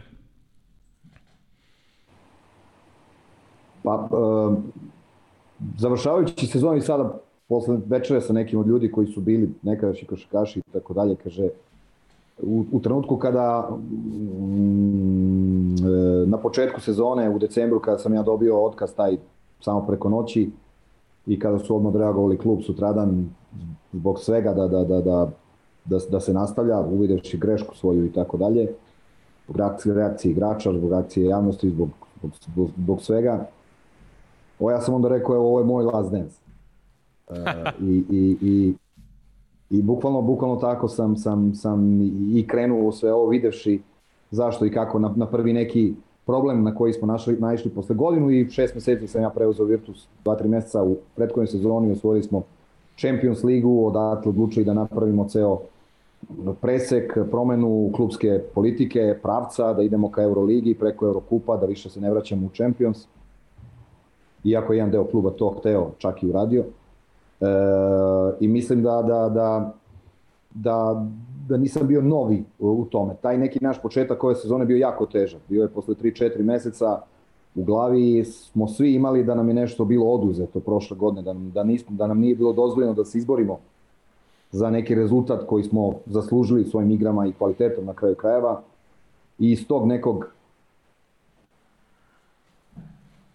ne, ne velikog entuzijazma smo krenuli da gradimo pre svega fizičku formu koja je potpuno bila uh, van, igrači su pauzirali preko tri meseca, neki četiri, neki su dva puta dobili, dobili COVID, kao što je Stefan Marković na samom početku priprema drugi put e, dobio i preskočio sve pripreme i on fizička konstitucija kakva je, ima velikih, velikih problema da uđe u fizičku formu i u formu generalno. Kyle Wim, Sabas i tako dalje i cela ta neka tenzija oko korone, ceo taj početak je bio jako težak, bez publike, publike koja nas je nosila prethodne sezone, publika koja je bila fantastična koja je sada u, u finalu bilo njih 2500 ili 3, kao da ih je bilo 25.000. Toliko se, mm -hmm. toliko se čulo i osetilo i toliko to znači igračima. Pojedinim, Stefanu Teu koji se okreće i, i pali publiku, oni su ja sam prošle godine izgovorio neke reči, ja sam jako ponosan na odnos koji su stvorili igrači sa publikom i to je bilo jako, jako bitno. Stvarno su uspeli i, i na kraju nas je to um, ponelo u, u, u finalu, jer od finala smo imali podršku e, podršku publike ili poslednje utakmice polufinala protiv Brindizija. Tako da sve te neke stvari su, su, su analiza jedne cele sezone, uz putovanja teška, uz putovanja u Eurokupu, putovanja po Italiji, sve, mi smo dešavalo se da odemo na aerodrom Bolonji, samo mi. Samo mi, jedan bar se otvori, jedan, kako se zove, e, čovek koji radi za bara, dvojica policajaca i dvojica security i to je to. Jedna žena koja ti radi checking, ona je posle ulazi u avion koji te vozi negde, tako dalje. Znači neke situacije stvarno jako, jako teške, a nije samo za nas, za sve tako. Tako da, posle svega ovoga završiti sezonu na ovaj način i igrati protiv Brindizija koji je bio druga ekipa u italijanskom prvenstvu koja je imala jednu fantastičnu sezonu e, u polufinalu m, ovaj, e, pa posle protiv Milana e, dugo se dugo se nije desilo da, da jedna ekipa odradi 10-0 ovaj play-off i opet ponavljam način na koji smo igrali i način kako smo ušli u, u, u, u sve te duele je za sam ponos. Postoji uvek situacija kada čovek kaže ili igrač, ok, idem da igram košarku, a kod mene idem da igram da, da, da pobedim. Ko kad šutiraš, ideš na šuterski trening, šutiraš da bi pogodio, ne samo da bi šutno 500 Tako da to su neke razlike u karakteru na kraju koje proizilaze u personality. Mislim da smo igrali ceo playoff sa velikim personality. Mm -hmm. E, super, Sale, baš onako, to je onako uvod u, u, jedno moje pitanje. Znači, mm -hmm. ti si bio igrač kakav si bio, trener si kakav jesi i tu je smešno sad nešto pričati mi počnemo, ti to znaš bolje od nas. I isto tako, mislim da kroz celu tvoju karijeru ne vidim da ti je nešto poklonjeno, nego si matori sve, što se kaže, zaradio, krvavo, po znacima navoda, platio i ono, imaš pravo i mislim da si čovjek koji može da odgovori na ovo sledeće.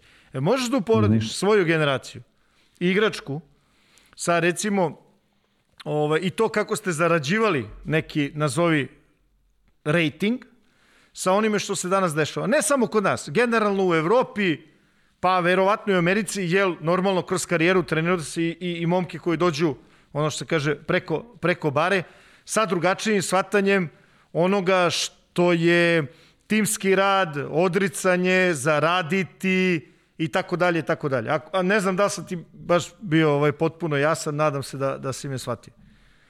Pa jes, ja ću probati neka svoja razmišljanja da, da, da, da krenem, pa ćemo možda doći do nekih odgovora interesantnih. Ali recimo, sam izbor igrača za NBA ligu, recimo, najbolju ligu na svetu, pre 20-25 godina, samo najbolji igrači su mogli u tamo. Tako ljudi koji su potvrđeni. Tako, koji su ovde pravili razliku fantastičnu, oni su imali priliku i dobijali šansu da idu tamo. Uh, Sabonis, Martin, Gluškov, Dražen Petrović, Divac, Rađa, Kukoč, Mar Marčulonis uh, i tako dalje.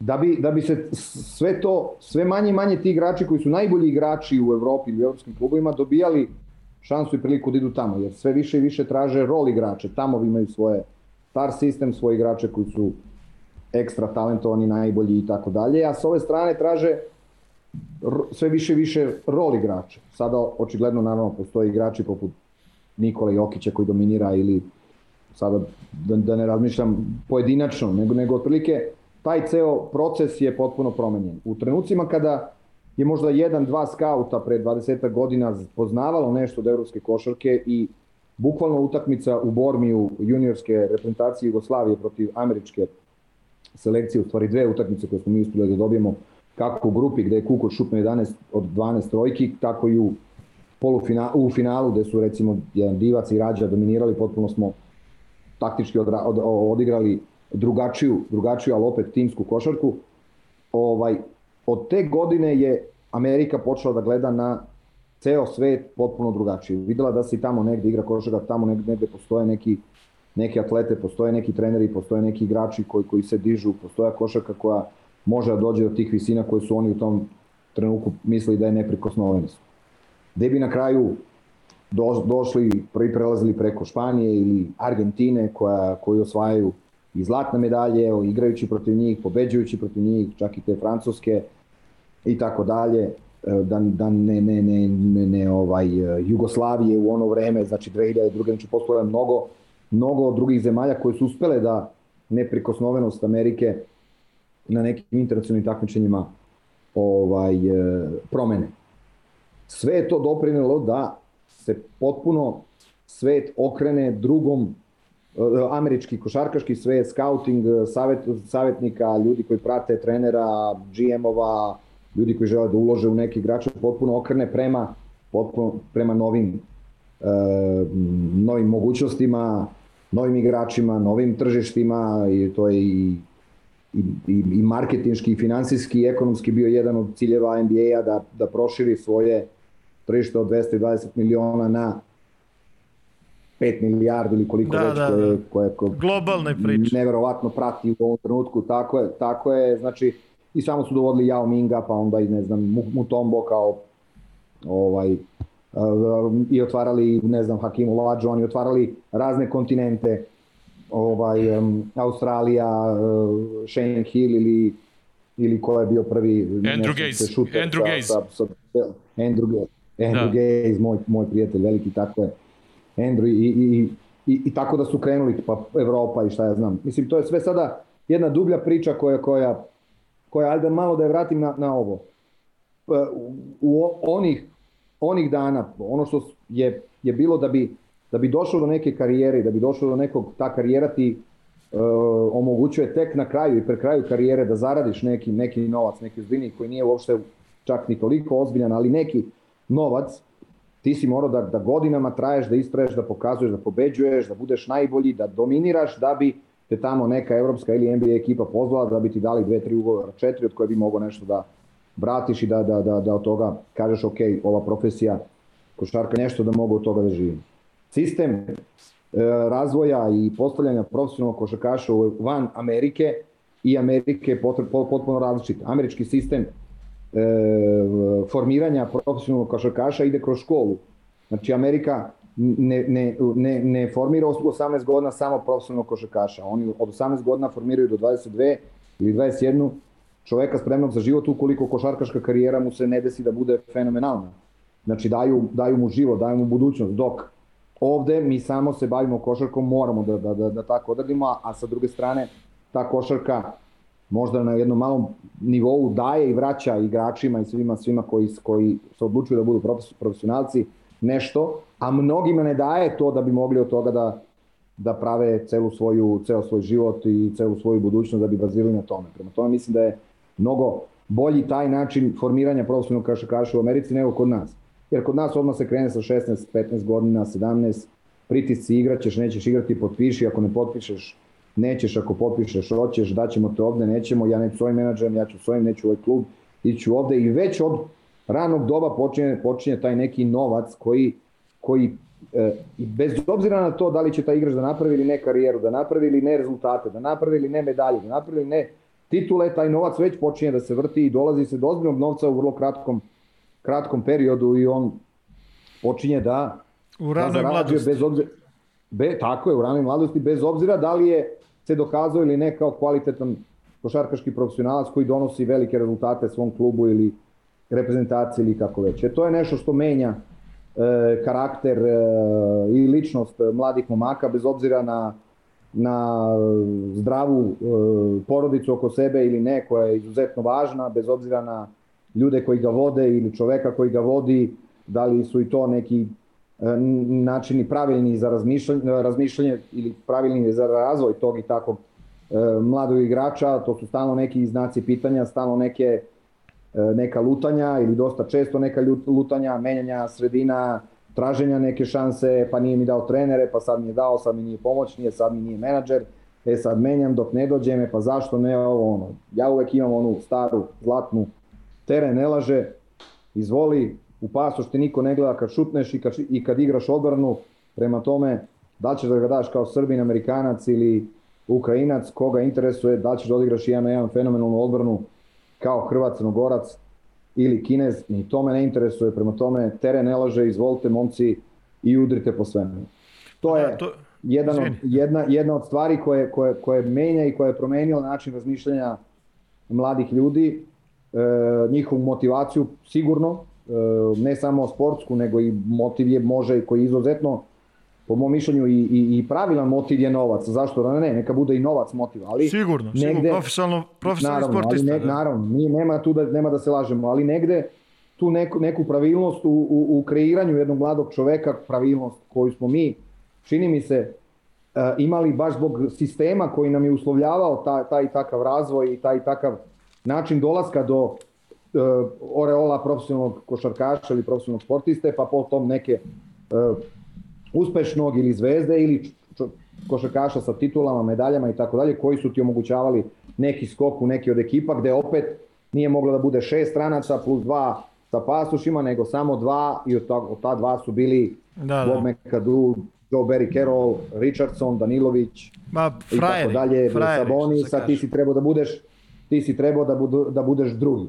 Drugi i da tako isplivaš svoju karijeru i da kao stranac praviš veliku razliku, da nosiš tim i da uvek svaku utakmicu budeš spreman da ukoliko si dao ispod 18 poena, već roće te menjaju i tako dalje. To su bile, takvi su bili parametri. Prema tome, taj neki sistem koji nas je gurao i terao da stalno i svaki dan moramo da budemo dobri ili najbolji, uh, jer smo bili questioned na kraju krajeva ukoliko se to ne desi, nikoga nije interesovalo da li ti je si iskrenuo zlob, da li je Stefan Marković igrao sa tri utakmice inekcijama protiv Kazana ili pet dana pre prve iskrenuo zlob i imao zlob ko jabuku, niko to ne, ne, ne želi da, da zna ni da pita, a on je, verujte mi, to nije bilo u životu, nije mogo da hoda, samo kaže inekcija, dok, kaže, doktor kaže, ne, ja to neću da, da, da, da damo, ne bi trebao da igra, Stefan samo kaže, niko te nije ništa pita. Inekcija i izlazi na teren. Da, I da. krene da šepa i da nas nosi i tako dalje.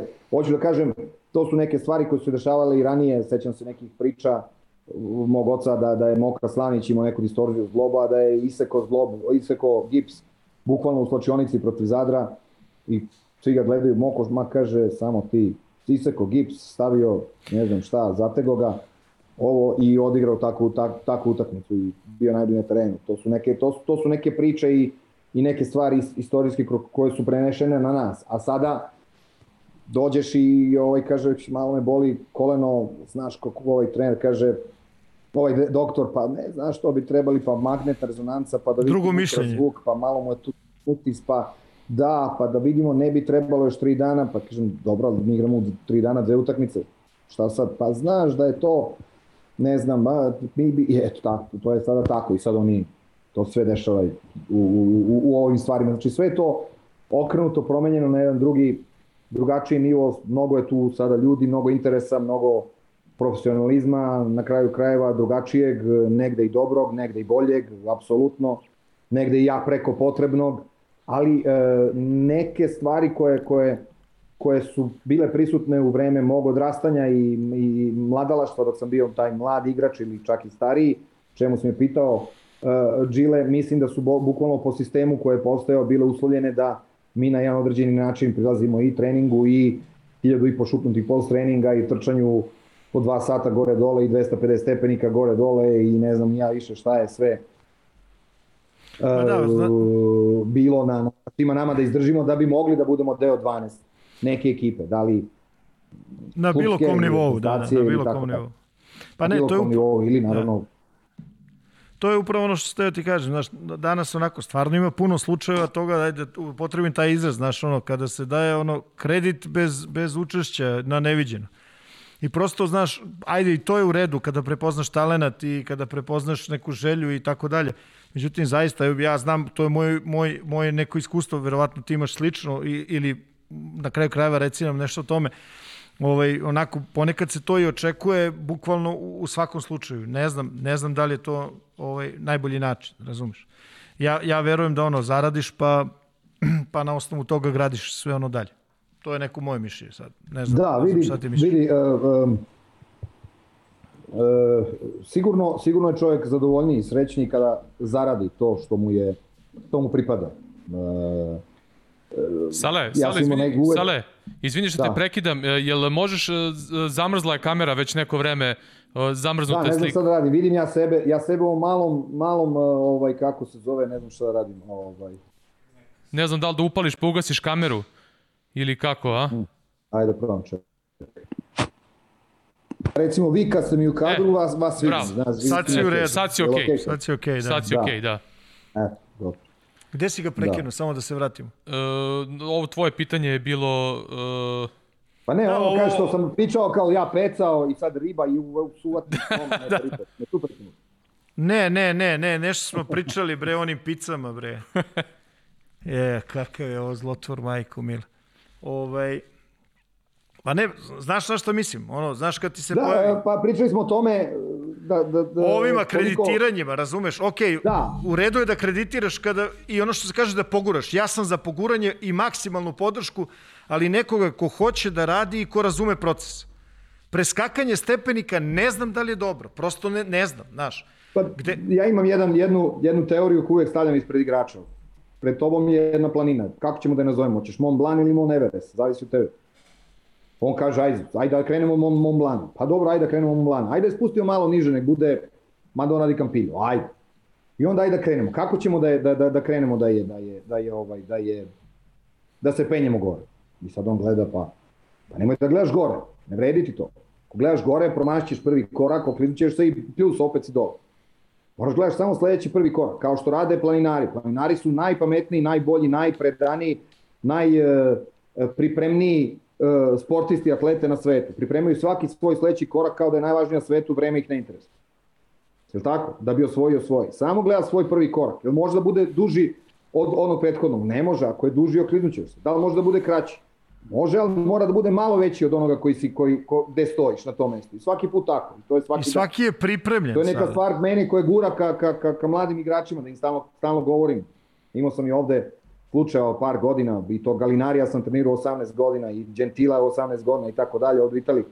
I stalno im daješ te i takve neke, neke, neke zadatke. I stalno im daješ zadatke koje moraju da ispune. Jer u trenucima kada dobiju neke zadatke, koje god da su, koje god da su, da li su fizički tegovi, da li su skok, da li su tehničko-taktički, da li je uh, shvatanje igre, da li je analiza napadačkog uh, sistema postavke, njegove uloge, bez lopte, sa loptom, na levoj strani, na desnoj, ovde, onde, šta ti, šta god, odbrambeno i tako dalje. Šta god, samo polako, svaki put, onda on dobija neke svoje, neke svoje zadatke, neke svoje ciljeve i on mora da dođe da odgovori na to. Koliko on odgovara, vraćaš ga ti sam, zna se zašto je na klupi, zna se zašto je e, zamen, zna se zašto je dobio što mi kažemo karne, malo, malo, malo mesa na, na, na video sastancima i tako dalje, za, za, zna zašto se kritikuje. Ali u, ne, u nekim treniranjima i postavljanje zahtjeva prema njima, prva stvar što, ih, što prilazim, hoću da vidim da li su oni pri, spremni da se bave košarkom na način na koji se mi bavimo, na način koji je potreban da on postane pravi.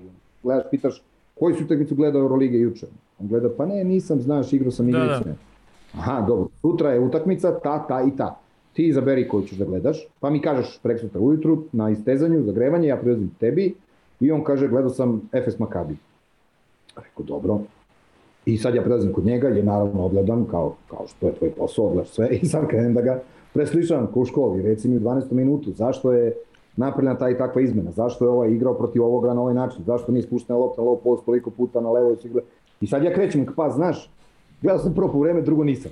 Sad krećem da ga, kreće da se igram s njim, ali to je svak, svakodnevno, znaš, pa onda krećem ovog drugog, pa ti zašto nisi, pa, pa znaš, čerka, kupo sam ju u 8, Pa utakmicu 8.45, pa gde je to najduže kupanje na svetu, valjda ćeš da sedneš da gledaš, ženo, pa ti, čao, poljubiš ovo, ono, odgledaš malo ili snimiš, pa odgledaš posle, to je tvoj posao, to je tvoja profesija.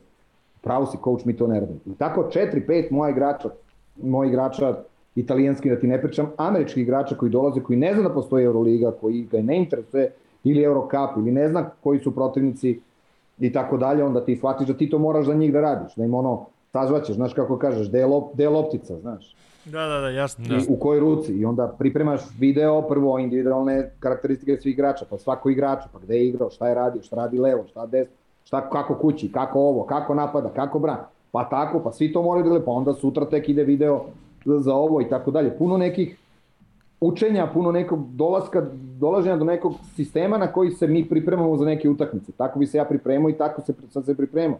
Ako već imamo sve ovo, onda moramo svi zajedno i dok ti to prelomiš, to je Znaš ti šta je to? I recimo Abbas koji dođe kod mene pa mi kaže posle četiri meseca, da, da, sad mi je mnogo lakše, znaš, sada čitam ovaj scouting što dajete i gledam ovaj video i sad vidim, ja se ja sad onda pripremam automatski za njih. Ako sine moj imaš 27, 28 godina, šta si radio sada, peco? I onda izađeš na utakmicu, pa najebaše svi treneri pored tebe. Sale, Aha. Zbog konse u smislu, molim, ne smem, ne znam smem to da kažem. Pro, da, ne, ne, može slobodno, ne, ne, ali progledao je posle četiri meseca. Znaš. Ne, me razumete što ću ti kažem? Da, da, da, Mora, da, mi moramo, znaš šta, ja uvek kažem, život koji mi živimo, koji je, mi, mi svi mišljamo da živimo, ja uvek kažem, podelimo život, podelimo generacijski na, na, na, na, na o, svet na pola, 35 i dole i 35 i gore.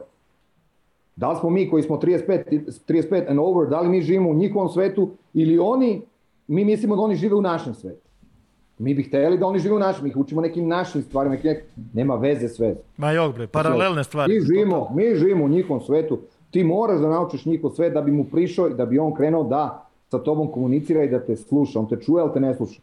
Naravno. To, to... Pa generacijski jaz, mislim, Da. znaš, nije, Veliki, to je to, je kraj priče. Pa naravno je, znaš, ne možete ali, razumjeti. ali, ali mislim... Ne, mislim mora da u se radi na tome. Posla, znaš. Tako je. E, tamo sam teo kažem, mislim da u opisu našeg posla i ono zašto nas angažuju, da ide i to da bi došlo do neke rezultate. Apsolutno. E, da, dao kad si... ja pred prvi turnir u Trstu, istežemo se i sad nešto šuruju Luka Mitrović i Bogdan, t, t, t, ma ti si, nemaš pojma, ma ti si ovo, ja kažem, šta je, šta je vas dvojica, šta igrate, šta se radi? Ma, World of Warlock, ili ne znam nija kako se zove, War of Warlock, ovo ono, Bogdan, ja sam tata, ovo ono, Luka, ma kaki, razbiću te, ovo. I kažem, dajte malo coachu da ja da uđem tu, malo mi dajte samo dan, dva da vas ja razbijem. Gde ćeš ti coach, kao nemaš ti pojma i tako da, daj malo, sad ti moraš da, kako bi ti rekao, da, da, da, da, da, da, da prilaziš, da otvaraš taj svet, da vidiš šta su njihovi interesi, šta su njihove glave, gde možeš da, da utičeš da bi on tebe poslušao na kraju krajeva kao trenera ili što se tiče košarke. Pa da, Ali napravite samo još to, jedno vezivno tkivo. Mali deo, znaš. mali deo, mali deo posla, mali deo trenerskog posla vezan samo za materiju, samo za profesiju, samo za basket. Ovo ostalo mnogo važno. Sale, Mnogo važno. Odličan šlagvort za jedno od pitanja koje sam hteo da te pitam. Ovaj, uh, pričali smo i Gile i ja, on je konkretno imao prilike da sarađuje i sa Kevinom Mihailom. Uh, pominjali smo i Lebrona i uh, Kobija. Veliki igrači, kao što si ti bio, vi vidite neke stvari na terenu bolje od jel te, ovih običnih igrača, da tako kažem. I vama su normalne. Da, Vama su tako- normalne, da. E, Kako si sebe ishendlovao kad si prešao na posao trenera? E, Kako si ishendlovao sebe da ti možda vidiš neke stvari mnogo bolje od e, igrača koji možda nisu na tvom nivou igračkom koji, koji si bio? Kako si sebe uspeo u tom, ne, u tom nek, negde segmentu da, da, da ishendluješ i da počneš da razumeš da možda oni neke stvari ne vide istim očima kao ti? Ono što se tebi podrazumeva je za njih ono najviši nivo. Otprilike, je li tako Srđo? To, Pa da, da, da, da, da. Eto. Pa, ne, ja ne gledam, ne gledam baš, baš tako. Nikada ne, ne krećem od tog, ne, ne verujem da je to nije podcenjivanje dobra reč, ali ne, ne, želim da ga un- underestimate, kako bi ti rekao, da, da, Da, da, da. podcenim njegov, njegov, njegov mozak i, njegov, i onda se igram sa tim mozgom i učim taj mozak kroz svaki video, kroz svaki, svaku analizu utakmice, to su strelice, crvena, plava, dobro, ovo loše, strelica ova, ova, osenčeno, šta ja znam. I svaki put, i svaki put, i svaki put su učenja sistema, učenja sistema, učenja sistema, polazići od fundamentals, polazići od fundamentals, polazići od fundamentals. Prepodnevno je fundamental, tehnika, e, tehnika, e, individualna tehnika sa loptom, izlaci iz e, iza stolica koji nikad nisu izlaci Da. eto tek tako, nego svaki put dobijaju kroz 1, 2, 3, 4, 5, da li je curl, da li Situacije, je situacije. dribbling, da li je step back, da li je flare, da li je ovo, da li je ono. Isto tako 5 na 0, nikad ne može da bude 5 na 0 zagrevanje, nego je 5 na 0 odmah mu se proziva odbrana, switch, front, flash, black, da, da bi on morao da reaguje, jer mi kroz 5 na 0, ako je plavo na hedge, on direktno prolazi kroz njega i kao on dodao sam neku loptu i šta ja znam, mi svi, čekaj čoveče, ajme 5 na 0, stavi sad ovog jednog odbrvenog, zvali smo ti plavon, pa on kaže, a da, plavo, pa, e, pa o tome se radi, sve vreme je glava stvar. Jedna od najvećih problema ove košarke današnje je čitanje, reading, reading of, situ, of the situation. Anticipacija o, u odbrani je anticipacija. Zašto je Teodosić jedan od najboljih timskih odbrbenih igrača? On anticipira košarku fantastično. Fantastično. On možda nije najbolji jedan na jedan kad mu staviš nekog malog crnca da ga napadne na čistini jedan na jedan. Ali ako hoće, on može i to. Ne može svaku utakmicu i tako dalje, ali u ovom play-offu je bio fantastičan i odbrambeno i napadački, apsolutno. Ali on odbrambeno, to je meni Mi- Milan Minić, dok je Slovenac trenirao reprezentaciju, meni govorio, ti možda nisi naš najbolji odbrambeni jedan na jedan, ali ti si naš najbolji timski odbrambeni igrač. Jer si stalno u poziciji koja je fantastična, da li u weak side-u, da li u bilo kome, strong side-u, da li na lopti i tako dalje, ti si u dobroj poziciji. To je shvatanje košarke. Mislim da je tu učenje i rad na glavi igrača i čitanje situacije i taj reading of situations da je to ključ. Postoji dinamika, postoji brzina, postoji eksplozija, postoji atletika, sve živo na što možeš da radiš nešto da se igra i svaka ekipa ima to. Međutim, čitanja situacija su jako, jako teška za mnoge od njih. Međutim, to može da se, možda- može da se unapredi. Vrlo jednostavno. da, Svaka da. situacija može da ima svoj, svoj, svoj naziv. Ova se zove black, ova se zove white, Tako ova je. se zove front, ova je x, ova je, ova je počeli da radimo u, u reprezentaciji, ja sam tako krenuo, onda su, ne znam, u stafu, pa ne, ko će to da zapamti, znaš, igrači, pa to im je najlakše. To se Naravno. radi, to je situacija, on to zna, sažvakano. reaguje automatski. Sažvakano i tako dalje. I mi tako pričamo. Ja, ta, ja tako pričam, moj time out, nećemo u blue, sad ćemo u red, sad ćemo, sad ćemo u green, molim te posle 8 sekundi idi u ž, na x, na črte, mrte i tako dalje, niko te ne razume, ali to, to je naš, naš language koji si, kao u bejsbolu što onaj kaže. Tako, reči i termini znače rečenice u stvari. Tako je, tako je. I to, to re, radiš i ta, ta glava je uvek prisutna. Ukoliko uh, i postoji jedna coaching uh, koji se meni ne sviđa, a to je emphasis of the mistake, emphasis of the error. Da ti svaki put uh, akcentuiraš grešku. Šta je loše? Da, da, loše. da, se, da sve vreme komentarišeš grešku. Greška je tu, bila je okej, ali već uspešniji si, bolji i ti trener i tvoja ekipa, čim se ta greška što, što kraćem roku zaboravi i ponovo si koncentrisan na sledeći koji je sledećih dve sekunde ponovo. Da, ne bude greška za greškom Naravno. grešci, onda je Da li je sistemska greška ili je samo pad fokusa? Tako je, tako. Tako, mislim, ja se time je dosta, dosta bavim, dosta učim igrače košarci toj nekoj koji raz, ja razmišljam, pa onda se desi da dođem sa Pajolom pa pitam ovaj, uh, jesi, jesi gledao ili kad on ne igra ili šta ja znam, jesi gledao? Kaže, naravno, kao pa reco, ajde reci mi ispričaj nam našu utakmicu, šta je bilo, zašto smo pali, zašto smo podigli, zašto ovo, zašto ono.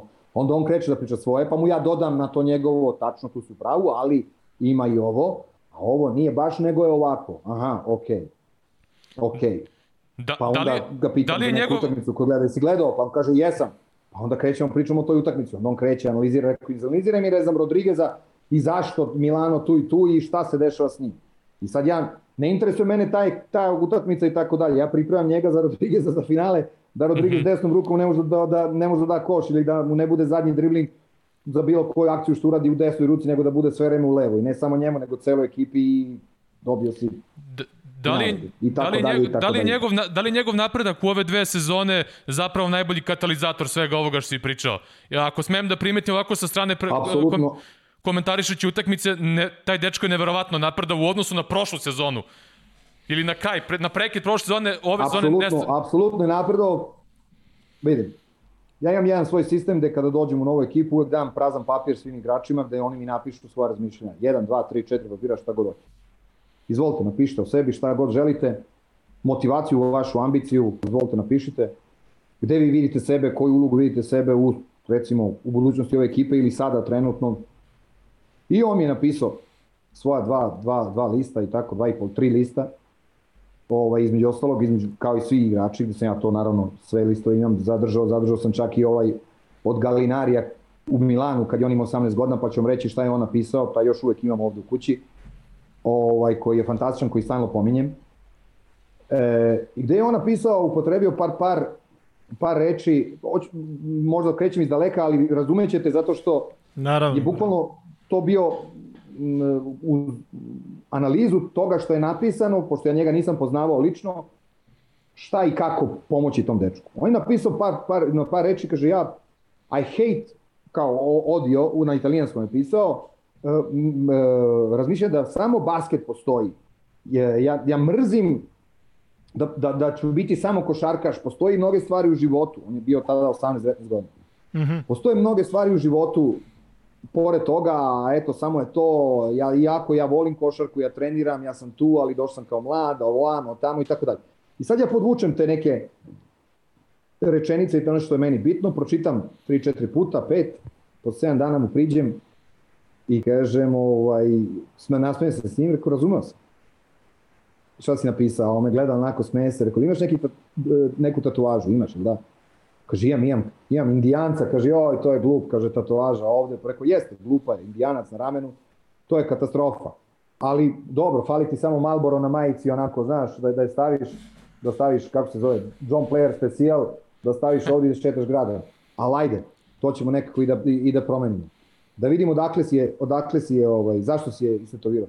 Kaže, čitao sam jednu knjigu koja mi je dala majka.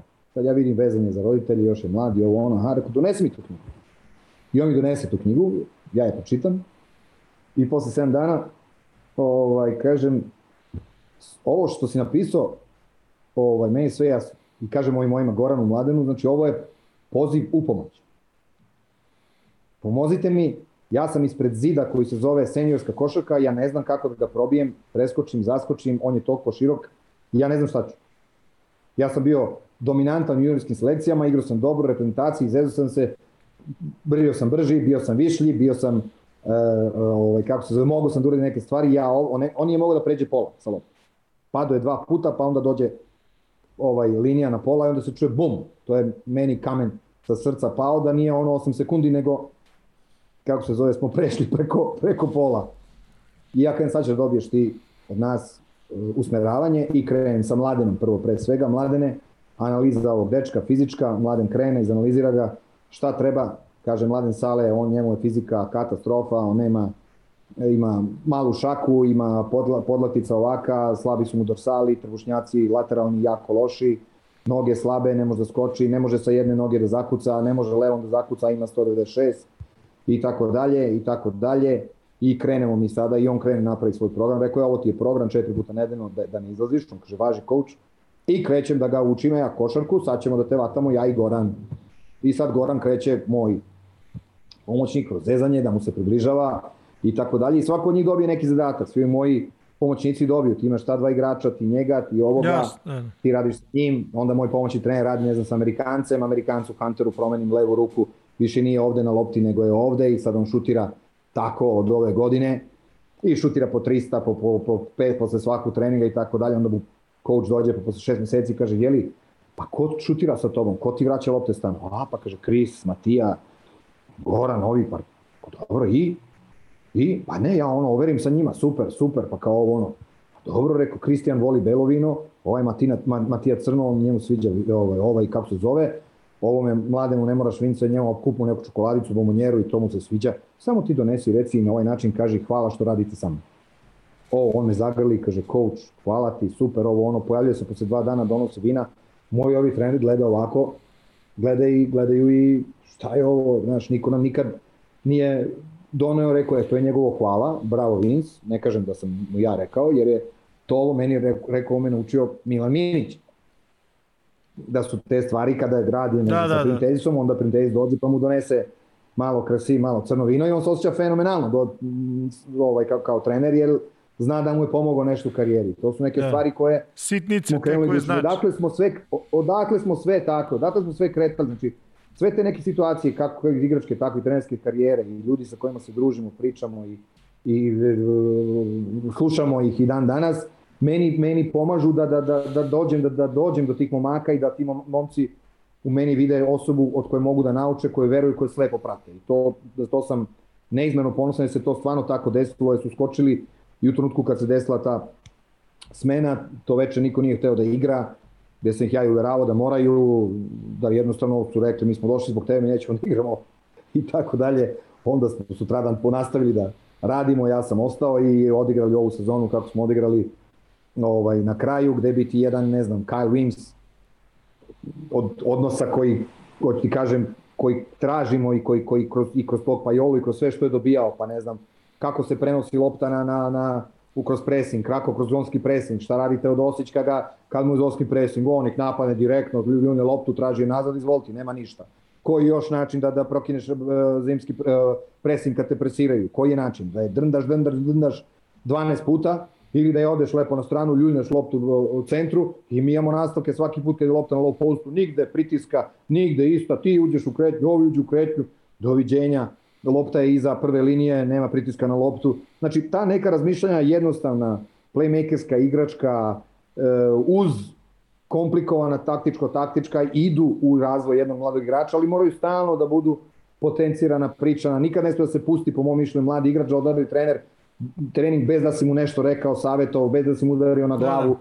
bez da si mu rekao bravo za to što je uradio i tako dalje, bez da se on oseti da je u tom trenutku napredovo, je, onda se sve to desi. Taj takav papir, da ne zaboravim, koji mi je on napisao, koji je, koji je napisao, on je dobio sada unazad, rekao sam, evo ovo si ti bio kada smo počeli da radimo, izvoli, čuvaj ga, pročitaj, pročitaj, sad si ovaj, igrač, sad možda kaže da si osvojio nešto i tako dalje, sad je problem, ovo moraš da ponavljaš svaki put.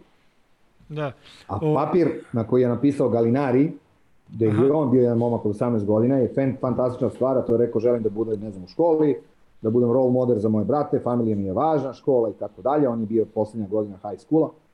Kad je igrao kod, kod, kod, kod mene, kaže, ali mi je najvažnije, kaže, želo bi da odem do NBA u jednom trenutku, osnovim titulu, ali mi je najvažnije da, e, da, da, da zaradim respekt mojih saigrača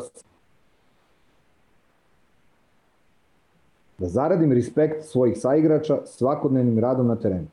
Zar nije perfektno?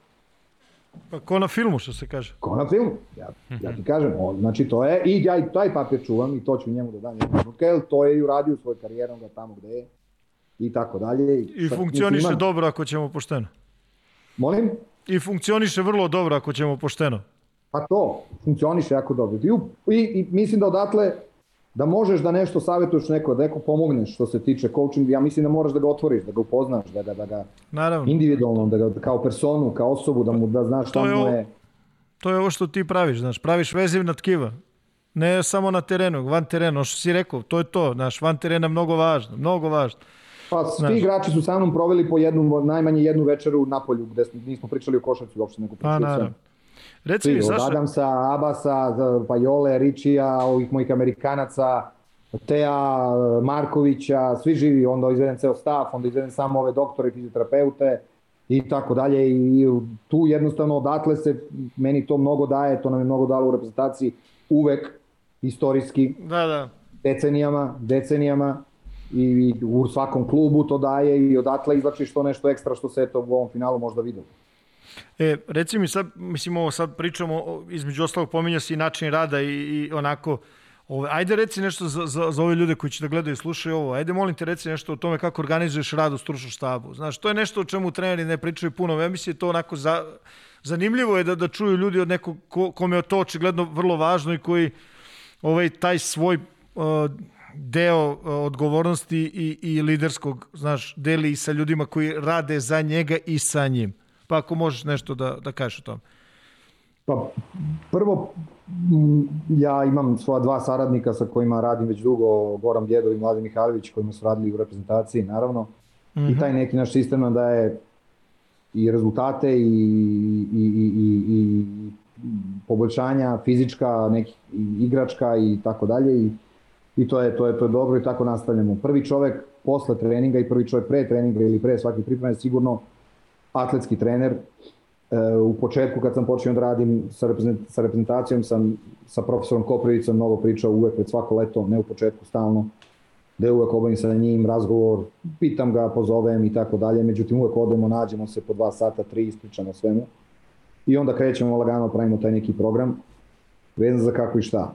U ovom poslednjem klubu sam našao dva, mislim našao dva, su bila pomoća trenera odavde iz kluba, koji su radili video analize, scouting i te neke pripreme, pripreme video koje kontroliše i sortira na kraju Goran. E, Goran radi svaku analizu posle utakmice, video analizu, ja radim svoju individualnu analizu e, posle svake utakmice gde je posle konfrontiran sa Goranovom i onda stavljamo e, šta nam je najvažnije odatle na na video koji ćemo da pokazujemo igračima. Ja komentarišem sve videe, sve situacije, Goran postavlja strelice crvene, plave i tako dalje i gore natpise i šta ja znam ono što ide. Mislim da je to jako važna stvar da to vizualno igrači vide da da svaku situaciju prepoznaju da se napiše gore šta je šta je ovaj šta je greška, šta je šta je dobro i tako dalje. E, svaki posle svakog treninga je razgovor sa sa atletskim trenerom da znamo koji je obim obim rada potreban, koji je način rada potreban taj trening, da li je da li možemo da trčimo, da li smo na više na pola terena, da li radio nešto u teretani što mi mora da znamo, što moramo da prenesemo na teren ili što moramo da sakrijemo e, kroz vežbe koje ne smemo da radimo, ukoliko je radio malo jaču teretanu, očigledno nema trčanja, nema, nema dosta up and down igre, nego se radi više na pola uz neko istračavanje plus jedan eventualno u nekom setu. E, tražimo od jednog ili drugog trenera da se obazir, ne znam, ti ćeš ovaj period, ovaj mikrociklus da vodiš računa o ofazivnom skoku ekipe, ti ćeš da vodiš računa o box outu ova četiri igrača, izvoli, priče sa njima, pored terena si sve to vidiš, nema gledaš igru globalnu, to gledam ja, ti moraš samo to, to i to i tako dalje. Svako od njih dobije isto zadatke. Jako je e, teško dođe do jednog sistema bez mnogo vremena, e, pa to isto, isto je potrebno jako mnogo vremena da se, da se neki sistem prenese i preko pomoćnih trenera na, da igrač. E, na, na, na teren, ali da, da. su mnogo uključeni na individualni rad, pre podne uvek ovaj, se napravi tačno šta se radi, kako se radi, mi dosta radimo ono veliki i mali, izlasci iz low post situacije, situacije up and under, saradnja dva igrača, uz trenera, saradnja 2 na 0, saradnja iz situacijnih naših stvari, saradnja iz direktnih blokada, off-screenova i tako dalje geometrija na terenu, kroz individualni rad, izlaci iz blokada vezanih kod nas. Ono, sasvim normalno, ali to rade pomoći treneri, dobiju zadatke. I ono što sam insistirao ove godine mnogo, a to je kad im dodaju loptu na kraju, kada treba oći šutno igrač 100 lopti ili šta god ekstra i tako dalje, da ne sme da bude samo dodavanje. Trener ne sme da doda, ne, ne, ne sme da prođe 3, 4 ili 5 da mu on ne iskoriguje nešto što je video u tom šutu što ne valja, pogotovo onom kad je promašio ili kad promašio u sebi. Da, da. Znači moraju da analiziraju apsolutno. Oni to još uvek, ne znam, moji pomoći treneri, to ne Goran da, ja apsolutno da, to vidim te detalje od vremena kad je Kreša Ćosić meni promenio palac na lopti, ne znam da li znate tu priču, to je jako interesantna i, i lepa i poučna. Podeli sa nama. Podeli ovaj, slobodno, naravno. Bili smo u Puli na nekom reprezentacija, B reprezentacija i mladi, mi, naša generacija mladi, kako se zovu, ne znam koliko smo imali, 15-16 godina u to vreme, ovaj, e, e, tu su bili Branković, Kotnik, e, Paklić, Arapović, Boban Janković, pokojni, Miki Mitrović, ono, B reprezentacija koja je uvek bila tu spremna primorac i sa ove druge strane smo bili, bili generacija bi Rađa Kukoč, Divac, Trifa Nebojša, ja, Avdić, Alibegović i tako dalje, Kalpić, Pecarski, Koprivica i šta ja znam, Bormio. I Osić svima nama drži kliniku, tu su i treneri, on drži neko predavanje, prvo je pričao o, o Stojku koga je pokazao kako da ide da da hvata ovaj e, block shots, da hvata da da da, da brani. Timing za rampu, da, da. Timing za rampu u trenutku kada sa strane prodiru igrači na na layup 1-2, kako da broji odakle da krene. Da je Stojko to fantastično radi u svojoj karijeri, mislim da je odatle i krenuo. A posle je ovaj, uzeo mene i rekao, ajde ti, ovaj, Đorđić, izađi dole, pošto sam vidio nešto, i kaže, idi, dribla jedan, jedan dribling desno, šutni, jedan levo, šutni, dva desno, šutni, dva levo, šutni, ja tu radim 10-15 puta i tako dalje, nešto pogodim, nešto promašim, i on kaže, ok, stop, evo sad vidite, okrenem se svima, kaže, Đorđić, kaže, Sala ima klasičan, uh, klasičan problem koji se javlja kod uh, niskih igrača, kod bekova, kroz odrastanje, dok su još mladi, znači u njihovim pionirskim danima, kadetskim, kada im još ruke nisu dovoljno velike šake, da kontrolišu loptu. Svi oni koji driblaju puno i tako dalje, oni bi želeli da kontrolišu loptu i onda što više rašire i spuste taj palac ispod lopte jer im šaka mala. Tako. I u trenutku kad je hvata loptu za šut, onda je taj palac ispod lopte i lopta beži tu gde ne treba da beži puno puta. I on je meni vratio taj palac, pošto ima ogromnu šaku, on mi ga je vratio ispod lopte i kaže u tom trenutku loptu guraju ta dva koji, koji stalno trebaju da je, da, da je guraju, jer su podržani sa ove strane s ovim i sa ove strane s ovim koji samo, samo stoje tako. I bukvalno od tog trenutka ja sam stavljao, insistirao na tom, insistirao na tom, insistirao na tom, meni više palac nije bio tu gde je bio. Posle sam ja dodao i zanalizirao poziciju šake na lopti i tako dalje, koje u trenutku kada imaš u toj poziciji kada treba da bude neki ono kako kažu 90 stepeni, 90 stepeni, 90 stepeni, mm -hmm. jel? Da bi se držala lopta u trenutku kada je tih 90 stepeni, ali ovako, ne znam, kada, a kada, kada staviš palac ispod, to više nema šanse da bude 90 stepeni. Ne razumete? Da, da, da, jasno, jasno. Ne može se izvede. Znači, taj, taj ugao se menja i samim tim je taj neki, neki detalj kod šuta, kod šuta ovaj, jako bitan detalj pogrešan u tom trenutku. I od toga sam sam sa mnogim igračima sam radio na tome i, i pomagao i korigovao te stvari mislim da je, da je, da je to jako bitno. Recimo, ove godine Abbas, u trenucima kada prima loptu, prima stalnu loptu na šutu od trenera koji je koji je dole ispod koša. I sad to, ja. Da. nikad se neće desiti, eventualno centar će ti vrati nekad i ti ćeš da šutneš, ali uvek će. Lopta odlazi s neke druge strane. I sad on je primao loptu stalno ovako, kako, kako lopta jedna iznad, jedna ispred, tum i već je spremio da, da. za neki svoj šut i, štipaljk, i štipaljk. Znači, uopšte nije tako. Da. Uopšte nije ono, palac, pa da je ga okreneš, pa da okre, pa šta ti ja znam i tako. I sad je celo to objašnjavanje isto kod ovog Huntera, pa čekaj, desna ruka na lopti nikad ne kako si uhvatio, ona se ne menja, samo se leva menja. A onda se oni pipkaju pa menjaju, pa kako, pa aha, pa sad to su more nekih, more nekih, mislim more nekih detalja i stvari koje ja vidim ili mi treneri mora da vidimo da bi, da bi poboljšali individualni kvalitet. Moje razmišljanje je da tokom jedne sezone ako se 10% poboljša individualni kvalitet svakog igrača koga si potpisao, da je, da je automatski ekipa bolja za 10%. Da, da, sigurno. A to je jako lako uraditi. Svaki od igrača, njemu je preko potreban individualna, individualno, pogotovo u Evropi gde potpisujemo ne perfektne uh, igrače ili Amerikance koji nisu najbolji, pogotovo u timovima gde nemaš ni toliko novca da potpisuješ ove najbolje kojima samo pustiš i kažeš izvoli. Jel?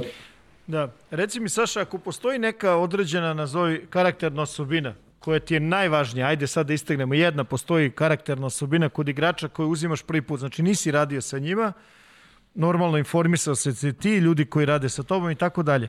Šta je dominantna karakterna osobina? Šta tražiš pre svega? Šta je primarna karakterna osobina kod igrača koje selektira Saša Đorđević? Da žele da doda loptu. Znači, ono, razumevanje esencije igre, ne, ne, ne. da to kolektivno. Da želi, da, želi, da, želi, i, da želi i da voli doda loptu. Sad ću ti izanalizirati. Ajde. Koja su dva elementa individualne tehnike jedina potrebna da ti i ja, Gile sa naših, kao, kao dva overweight lovers, možemo da igramo neku košarku s nekih pet momaka. Dobro, momaka kretanje i dodavanje. Kretanje Samo dva. i dodavanje, da. Ne, zašto moraš da se krećeš? Što gde ćeš ti pa da, da bi prešli teren sale. Ja, mislim, ja bi bio taj Nema koji se potrebe, kreće. hodaš, čekat ćemo mi tebe. Hodaš, koje su ne, dva ne, elementa ne, ne, potrebne ne, ne? Ne, ne, Evo na, na pola terena. Ja sam playmaker, ti si onaj koji se kreće sad. Ajde, Luis, na pola terena. Izvoli me lepi. Ovaj, da, da, ajde, ajde. Ok, slažemo se da je dodavanje. Koja su dva, dva... Dobro, tu, tu svi pogađaju, to svi pogađaju. Mm -hmm. Koji je drugi element preko potreban da možemo da igramo košarku? To me pitaš ili pitaš Srđana? Mogu da koristim njegova znanja? Ma Srđana, ti to znaš 100%. Srđo? Sad, do, dobro pitanje za razmišljanje. Jako dobro pitanje. Vrlo dobro, mislim ima da, dosta... Da bude ono del loptica. Ja sad ra razmišljam ovaj... Da bi dodao loptu, da bi dodao loptu, šta moraš da uradiš? Da je, da je osvojiš. ne moraš da je osvojiš. Možeš primiš koš. Da tvoj drugar, jel? Da. Moraš da, moraš da je prim, moraš da primiš loptu, moraš da uhvatiš loptu. Žile, proveo sam dane, mesecima su nas učili na kampovima, Zlatiborima, Čačkovima, Čudima, Bora Cenić, majstor u mhm. svih tih individualnih stvari i, i tako dalje, kako se hvata lopta, kako da, se dodaje lopta. Da, pričaš o ono, da, da, držanju, držanju i hvatanju lopte, prijemu lopte. Apsolutno, uhvati da, da. loptu, dodaj loptu, igre košarku. Uhvati loptu, dodaj loptu, igre košarku. Hodanje je jedini uh, uh, jedina jedini ovaj jedina naredba iz mozga koja ne dolazi čoveku iz mozga jer je to jedina jedina jedini automatizam. Mozak ne, diri, ne, ne, ne, ne diriguje, to je u, u naturi čoveka, ti ustaješ i da bi živeo, da bi preživeo ti moraš da hodaš. Znači to, sve ostalo ti mozak diriguje. Otvori oči, dodaj loptu, primi loptu, jedi, spavaj, pevaj i tako dalje. Hodanje, to ti ne diriguje mozak. Hoću ti kažem, da igraš košarku, dodaj, primi, i dodaj.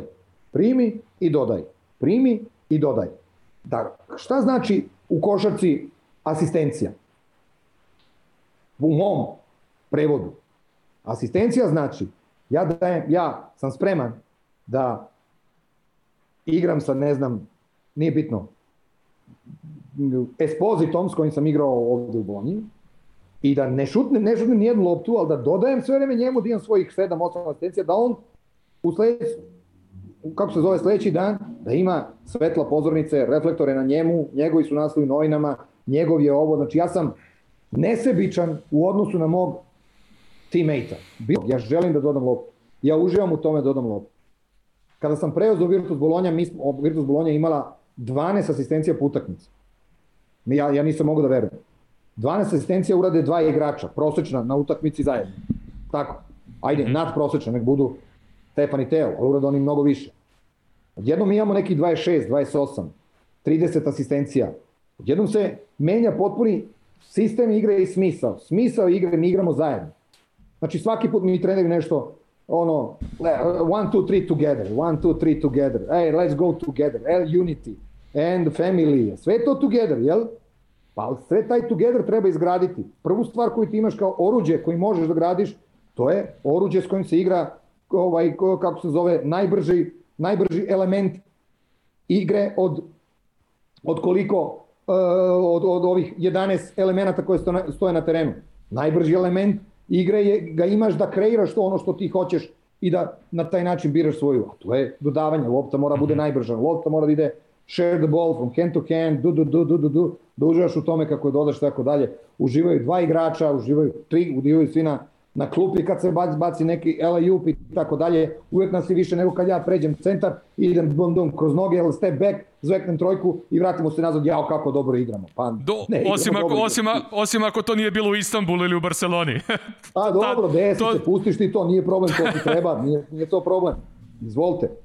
Izvolite, razumeš, to, to, je, to je na kraju, znaš, što kaže Željko Bradović, ja dovedem ekipu na, na nerešeno posle, player, izvoli, to si ti, ja sam ti nacrto izađi, ti mora ga daš. Mm -hmm. Pa smo ili pokršteni ili prekršteni, kako se kaže. Mm -hmm. Mm -hmm. Eto, to je za mene, to je za mene. Ja odatle krećem. Ja odatle krećem. To mi daje taj neki sense of altruism, kako se kaže, e, želju za, za, za deljenjem, želju da budem deo ne, neke grupe mm -hmm. na pravilan način. Da nisam individualno okrenut mojim interesima i ličnim motivima što sam tu. Jer sve ostalo u košarci je me, myself and I. De la da, Soul, da, da. što bi rekao. Da. De la Soul, Znaš, kad priđem pa kajem, čekaj vi American Professional Basketball Players. Pa 0, 0, 0, 0, jedna asistencija, pa šta je ovo, De La Soul, oni me gledaju. Pa slušate De La Soul, pa kaže slušamo, pa ajde pusti, me, da, myself da. and I. Hoće da igramo me, myself and I ili ćemo da igramo svi zajedno? Da. Da. Ti kažu 3 is the magic pomoć. number, da, da. Da. da, da, treba pomoć, treba, treba blok, treba da ti dodam, treba ti da, da, da, ti, da ti skočim, treba za tebe da uradim nešto, stalno treba da uradim za nekoga. Jel to, help? To si videlo, Pomozi mislim... kolezi. Da, pa to, dobro, znaš to, se, da, da. to se videlo, mislim, ove sezone, da, ako se dobro sećam podatka, mislim da ni u jednoj utakmici Evrokupa niste imali manje od 16 asistencija. A mnogo je to pa puta... Eto, da. da. tako da to, to je pokazatelj. I prošle godine isto bilo, i prošle godine isto bilo, taj, taj, ta, ta, ta brojka se je skočila nevjerovatno. Tu si imao dva, dvojicu ovih interpretatora Stefana i Teja, gde da. cela ekipa videla da niko od njih ne igra e, kao ego, ego, egoista, ovaj, pa da. kako se zove, selfish basketball, to onda ne može... A to je ono što kažu, znaš kako? Oni onda. Su, suma odricanja određuje ovaj veličinu uspeha, realno. Razumeš? To što ti tražiš... Jako lepo, jako lepo rečeno. Hvala ti, hvala ti. Sale, uh, po, priča... odrečuje, jako lepo. Hvala. Pričali Hvala. smo prošle godine ono u Bolonji, ovaj, uh, pominjao si mi da, one neke audio knjige koje pratiš, uh, unapređuješ sebe. Uh, koliko vremena u, u ovom celom ludilu, kako, kako iziskuje ova moderna košaka, moderni sport, koliko vremena dnevno imaš za sebe, da, da sebe edukuješ i unapređuješ? Pa iskreno, imaš vremena, pogotovo ove godine gde je samo bilo vezano kuća, posao, kuća, posao, naručuješ klopu kući i tako dalje, ako, ili ako mi je familija tu, onda je sve to vezano za, za to. Ima se vremena, međutim, bitno je, bitno je, e, problem je koncentracija. Mm -hmm.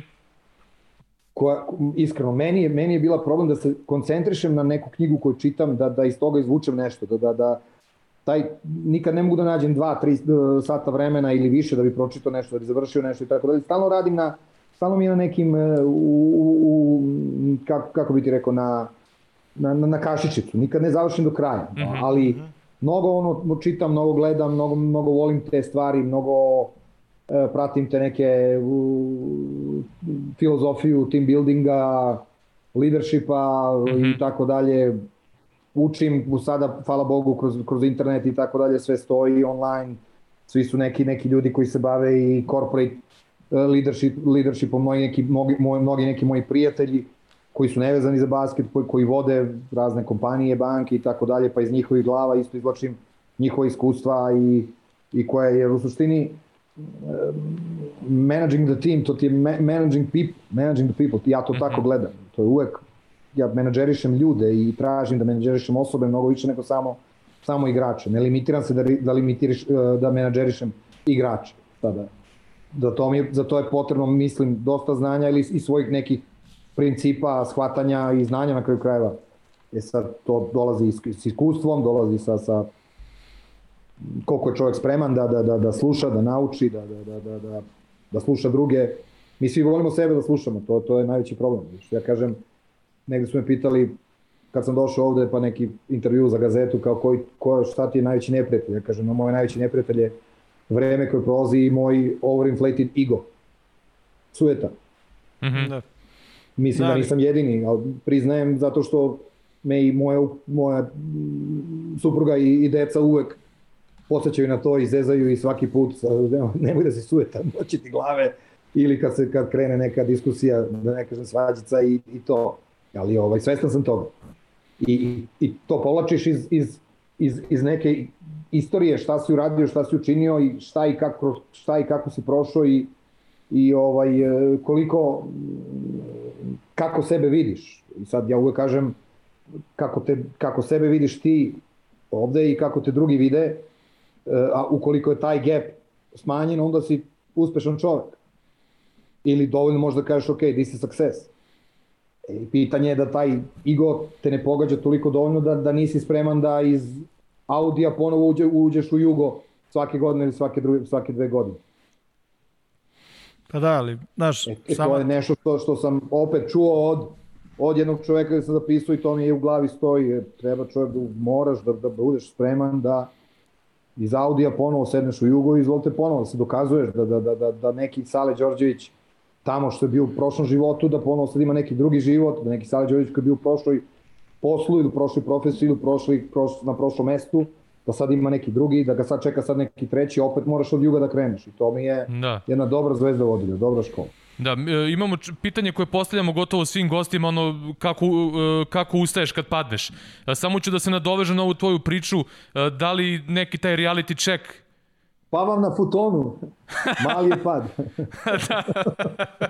da. da, samo da se na, na to pitanje nadovežem sa ovim što si malo pre čas pričao. Da li taj reality check neki imaš samo u nekim situacijama kad doživiš neki neuspeh ili, no. ili, ili konstantno sam sebe? Konstant. Ono, konstant. Konstant. Konstant. Pre nego što su odlučili da prekinu sa mnom Bolonja, bio sam gost ovde na radiju, nekom radio 24 sata i tako dalje, pričamo i sad oni Oni kažu, pa oni su javno pogrešili, kao javno rekli i pogrešili su pogrešili, što su te, kao oni su to rekli, tako da ja kažem, čekaj malo. Sve, ist, istina je negde u sredini, imaju oni svoje razloge zašto su rekli, je Sale, ti nisi više trener, taj, taj, taj dan. Mm -hmm.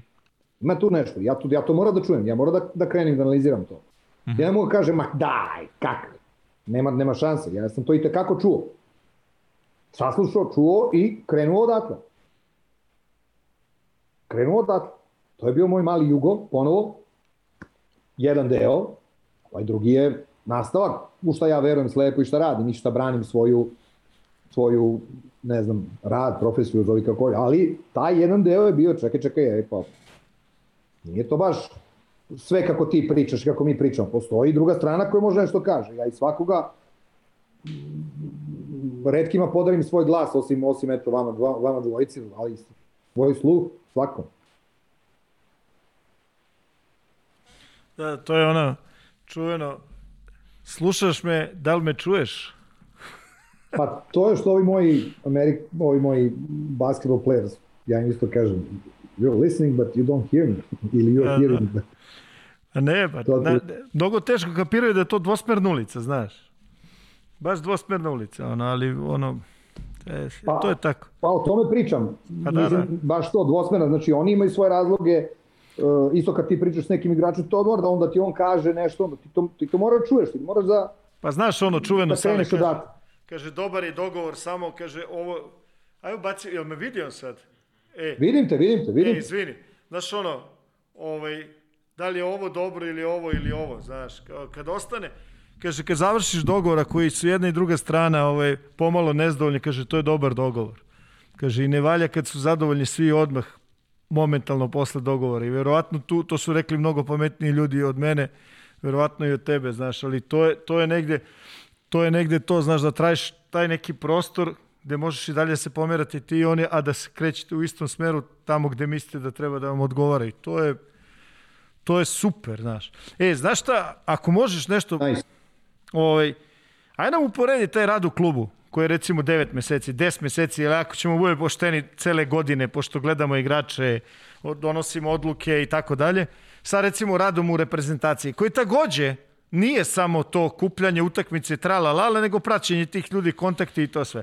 Ali ima specifičnost, ima razlika. Ti si bio ovaj, uspešan i na jednom poslu i na drugom poslu. Jel možeš to da podeliš ovaj, sa, sa nama? Pa ima razlike, ali u suštini je, se, je baza je ista. Baza je ista odakle krećeš. Baza je ista da, da samo moraš da, da što pre i brže uradiš sve isto što radiš u klubu.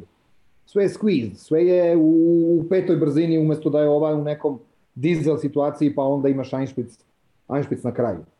Sve, sve ovo o čemu smo pričali mora da dođe mnogo brže.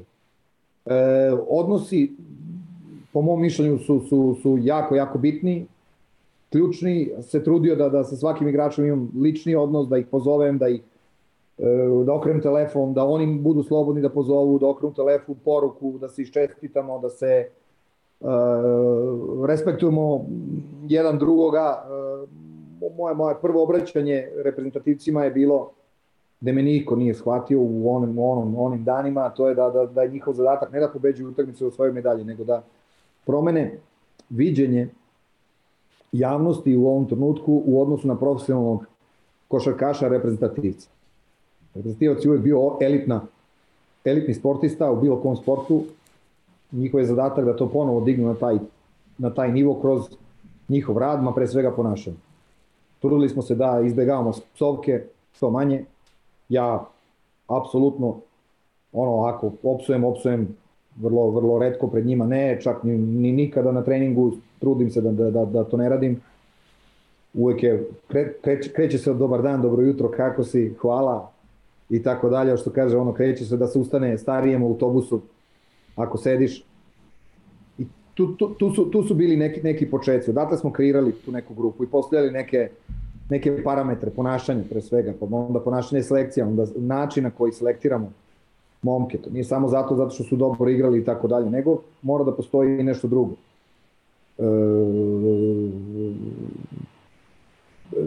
Mislim da reprezentacija i sama selekcija je, je, je, nije, nije sklop 12 najboljih igrača u tom trenutku, nego su sklop 12 igrača koji se najbolje koji najbolje funkcioniš. Ne znam da li, da. vidite, ne znam da, da, li vidite, da. da li vidite ruke. Kad bi, kad bi 12 najboljih igrača, to bi uvek bilo jedan u drugoga glava u glavu. I, i onda je, su to neki neki načini, načini izbora koji trpe nekad i, i kritiku, nekada i ne, neke oprečne mišljenja, ali jednostavno čovjek mora da dođe sa svojim idejama da ih istera na, na, na, na, na, ovaj, na videlo, na put. Nekad se prati, nekad ne, ali obzirom e, da, je, da je ta reprezentacija nešto iznad normalnog posla košarkaškog trenera, onda se i to diže na taj neki nek, neki nivo. U radu sa, imao sam sreću da imam fantastičan stav ljudi, medicinski stav. E, ja sam izabrao e, moje pomoćnike koji su među sobom imali individualno svako sa svakim lični odnos, pa onda sa mnom, pa smo onda izgradili ceo naš zajednički, mislim da to na neki način dobro funkcionisalo, da je bila dobra ideja. Tražio sam od njih da nikada ni jedan dan ne završimo da mi kažu šefe bilo je sve super, jer čim je tako ja krećem da, da, da, da, da lomim sve po, po, po, po stolu i tako dalje i kažem ja znam šta je bilo dobro, ja ne znam, ja ne vidim šta nije bilo dobro ponekad, ja želim da mi to govorite. I, i zato ste i tu sa, sa tolikim iskustvom, trudio sam se da, da stavim oko sebe trenere sa mnogo iskustva, sa, sa, sa mnogo znanja košarkaškog, nekad, nekad i većeg od, od mog, da mi baš pomogli u tom načinu razmišljanja, da me natrali da odem u kreve, da spavam i da mi nikad nije mirna glava, nego da sutra dođem sa rešenjem nekog problema koji je se, koji te eventualno tu koji ja nisam video ili koji su mi oni rekli. To je mnogo važno. Mislim da je to u reprezentaciji sve mnogo važno, mislim da je to u reprezentaciji mnogo, mnogo e, bitno. E, ja sam se onako postio neke stvari gde sam govorio na velika takmičenja kad idemo i evo sada to mi potvrda, to je neko moj lični, lični način kako to sve proživljavam i živim tu, nema spavanja, apsolutno, što ja kažem, niko ne sme da ide u krevet pre mene i niko ne sme da ustane posle mene.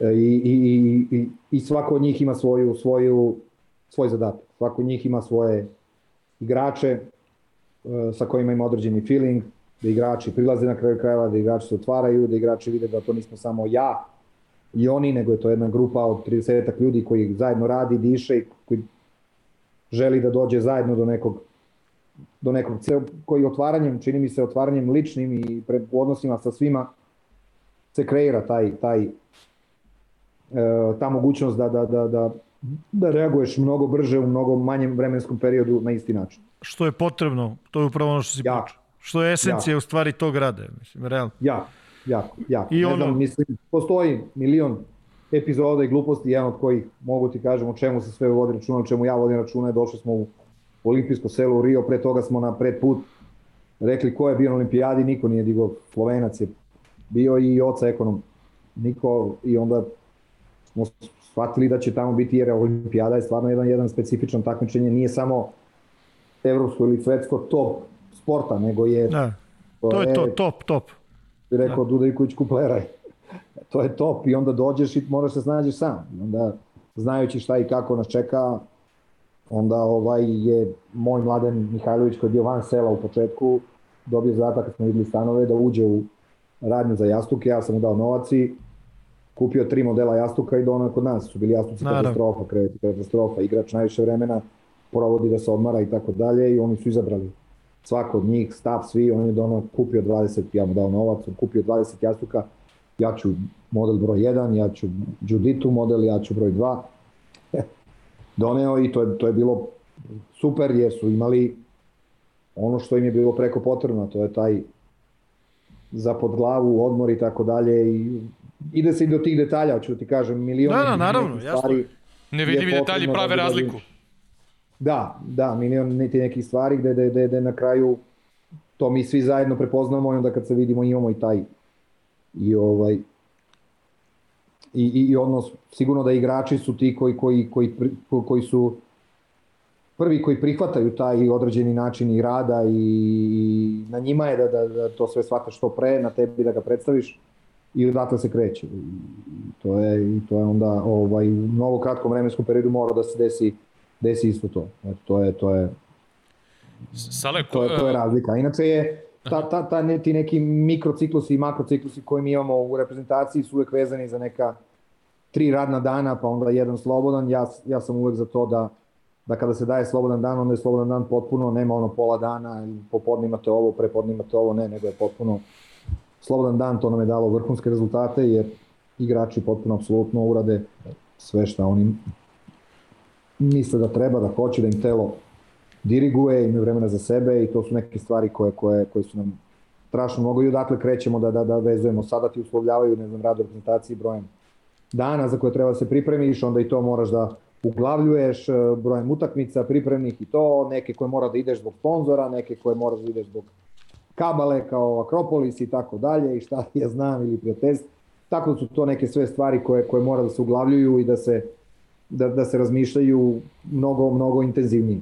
I tu naravno imaš pomoć od svojih saradnika koji sve to e, vode i prate, na kraju krajeva i mnogo više nego ja sam, a da, stvari baš taj ceo deo je je vezan za, za, za, za njih, za konkretno Jocu Antolića koji sve to apsolutno vodio perfektno, da. između ostalog, između tog ostalog trenerskog dela njegovog, ovo je bilo sve, to je bilo. Sa druge strane opet imaš jednog iskusnog tim menadžera Nebojšu Ilića koji opet s druge strane ove druge neke stvari zna sve i ne moraš da tu provodiš vreme i tako dalje, nego jednostavno s treće strane profesor Nikolić koji ceo ovaj medicinski deo drži i tako dalje. Pratite savez sa uslovima fantastičnim, znači da sve je sve onako, ta reprezentacija uvek top, to je neko organizacijono, to uvek bilo i ranije.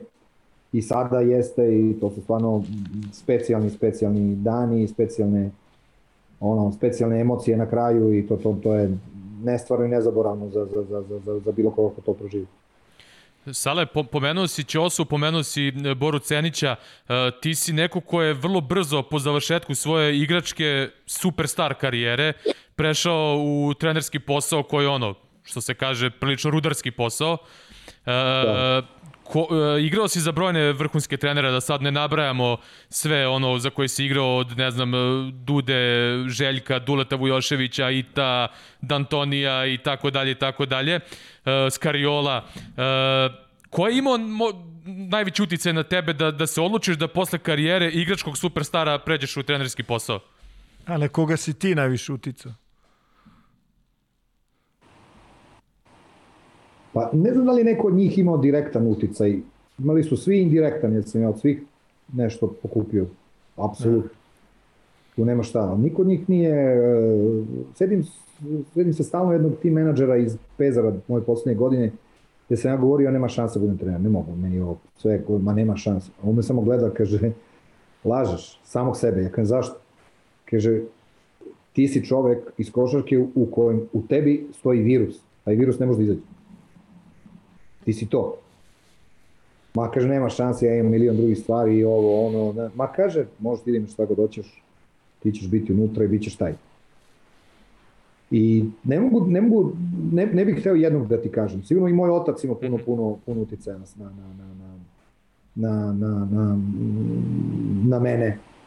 E, ali ne, ne verujem da je bilo, bilo ko ono, ono znaš, ne, neko mi nekad rekao, svi putevi vode, vode, vode tu.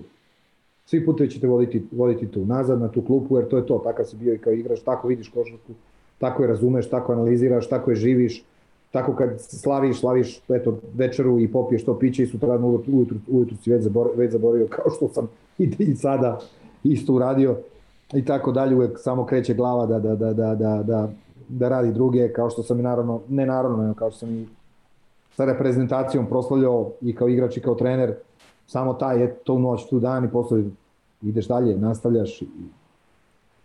Šta ja znam? Mislim da sam onako od svih nešto nešto pokupimo sreću, da imam te vrhunske da. ljude pre svega i vrhunske stručnjake koji su, koji su bili sa mnogo njih sam pobedio.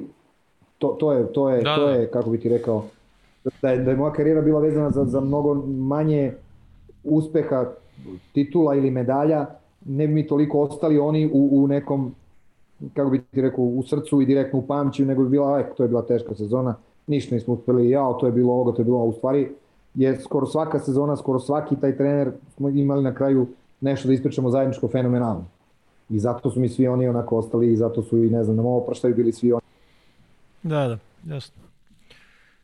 Ćemo da mu uzimamo još vremena ili šta ćemo? Znači, Dosta. mi, Dosta je bilo, znači, hey, yeah. mislim, mogli bismo pričamo stvarno, ono, i prošli put smo pričali toliko dugo i sad, ono, može još milion pitanja, ali zaista, ono, ne, ne, ne bi da ti, da ti oduz, oduzimamo dragoceno vreme koje provodiš sada. Znaš, redko, redko, kad, redko kad, znaš, mi uvek imamo neke intervjue, znaš, pa sto limitira neka pitanja, pa sto politički korektna, nekorektna, pa trte, pa ne da ovo, pa daj pošalji mi mail, pa, znaš, ovako, znam da će se preneti negde, znam da će otići i tako dalje. Svi se, svi su, svi, sve, sve se ide iz uh, sve manje i manje nekih uh, otvorenih priča, otvorenih, kako bi ti rekao, da, ono priča koje, ne znam, ja sam provodio noći pored, ispred Boše na nekim turnirima evropskim i slušajući ga do 3-4 ujutru, uh, Karija, Dude, Željka, svi smo sedeli, družili se, cirkali, pili kiće, ali smo pričali košarka, košarka, košarka, košarka, košarka to se stalno tako, to i dan danas stoji kod nas, znaš,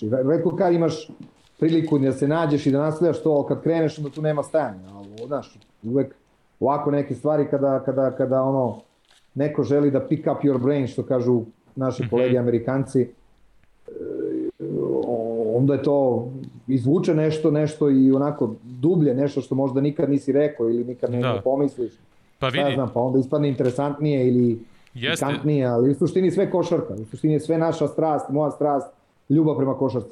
Ja e, pamtim uvek ono, ti si mi rekao jednom prilikom kad smo pričali ovaj, vezano za moj posao, da uvek, mislim ja se trudio uvek to da radim, ali ti si mi to onako još dodatno stavio u glavu, da tako kažem, da uvek treba da mislimo o tim mlađim generacijama, da oni treba da zavole košarku i to sve.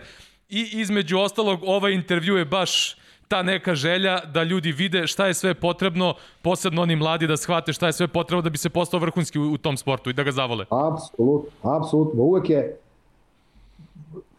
first and outmost, što kažu amerikanci, uvek gledaš nove nove, no, no, new fans, no, nove zaljubljenike, nove klince koji treba da igraju, nove, nove, on mora da radi. Mi smo, mi smo ovu košarku pozajmili, nismo je nasledili, mi mora da vratimo.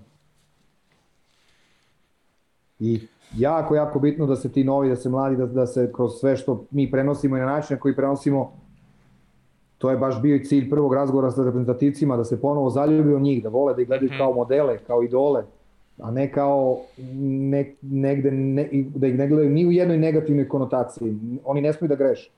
Dok nose dres reprezentacije, dok smo mi predstavimo reprezentaciju, ti ne smiješ da greš.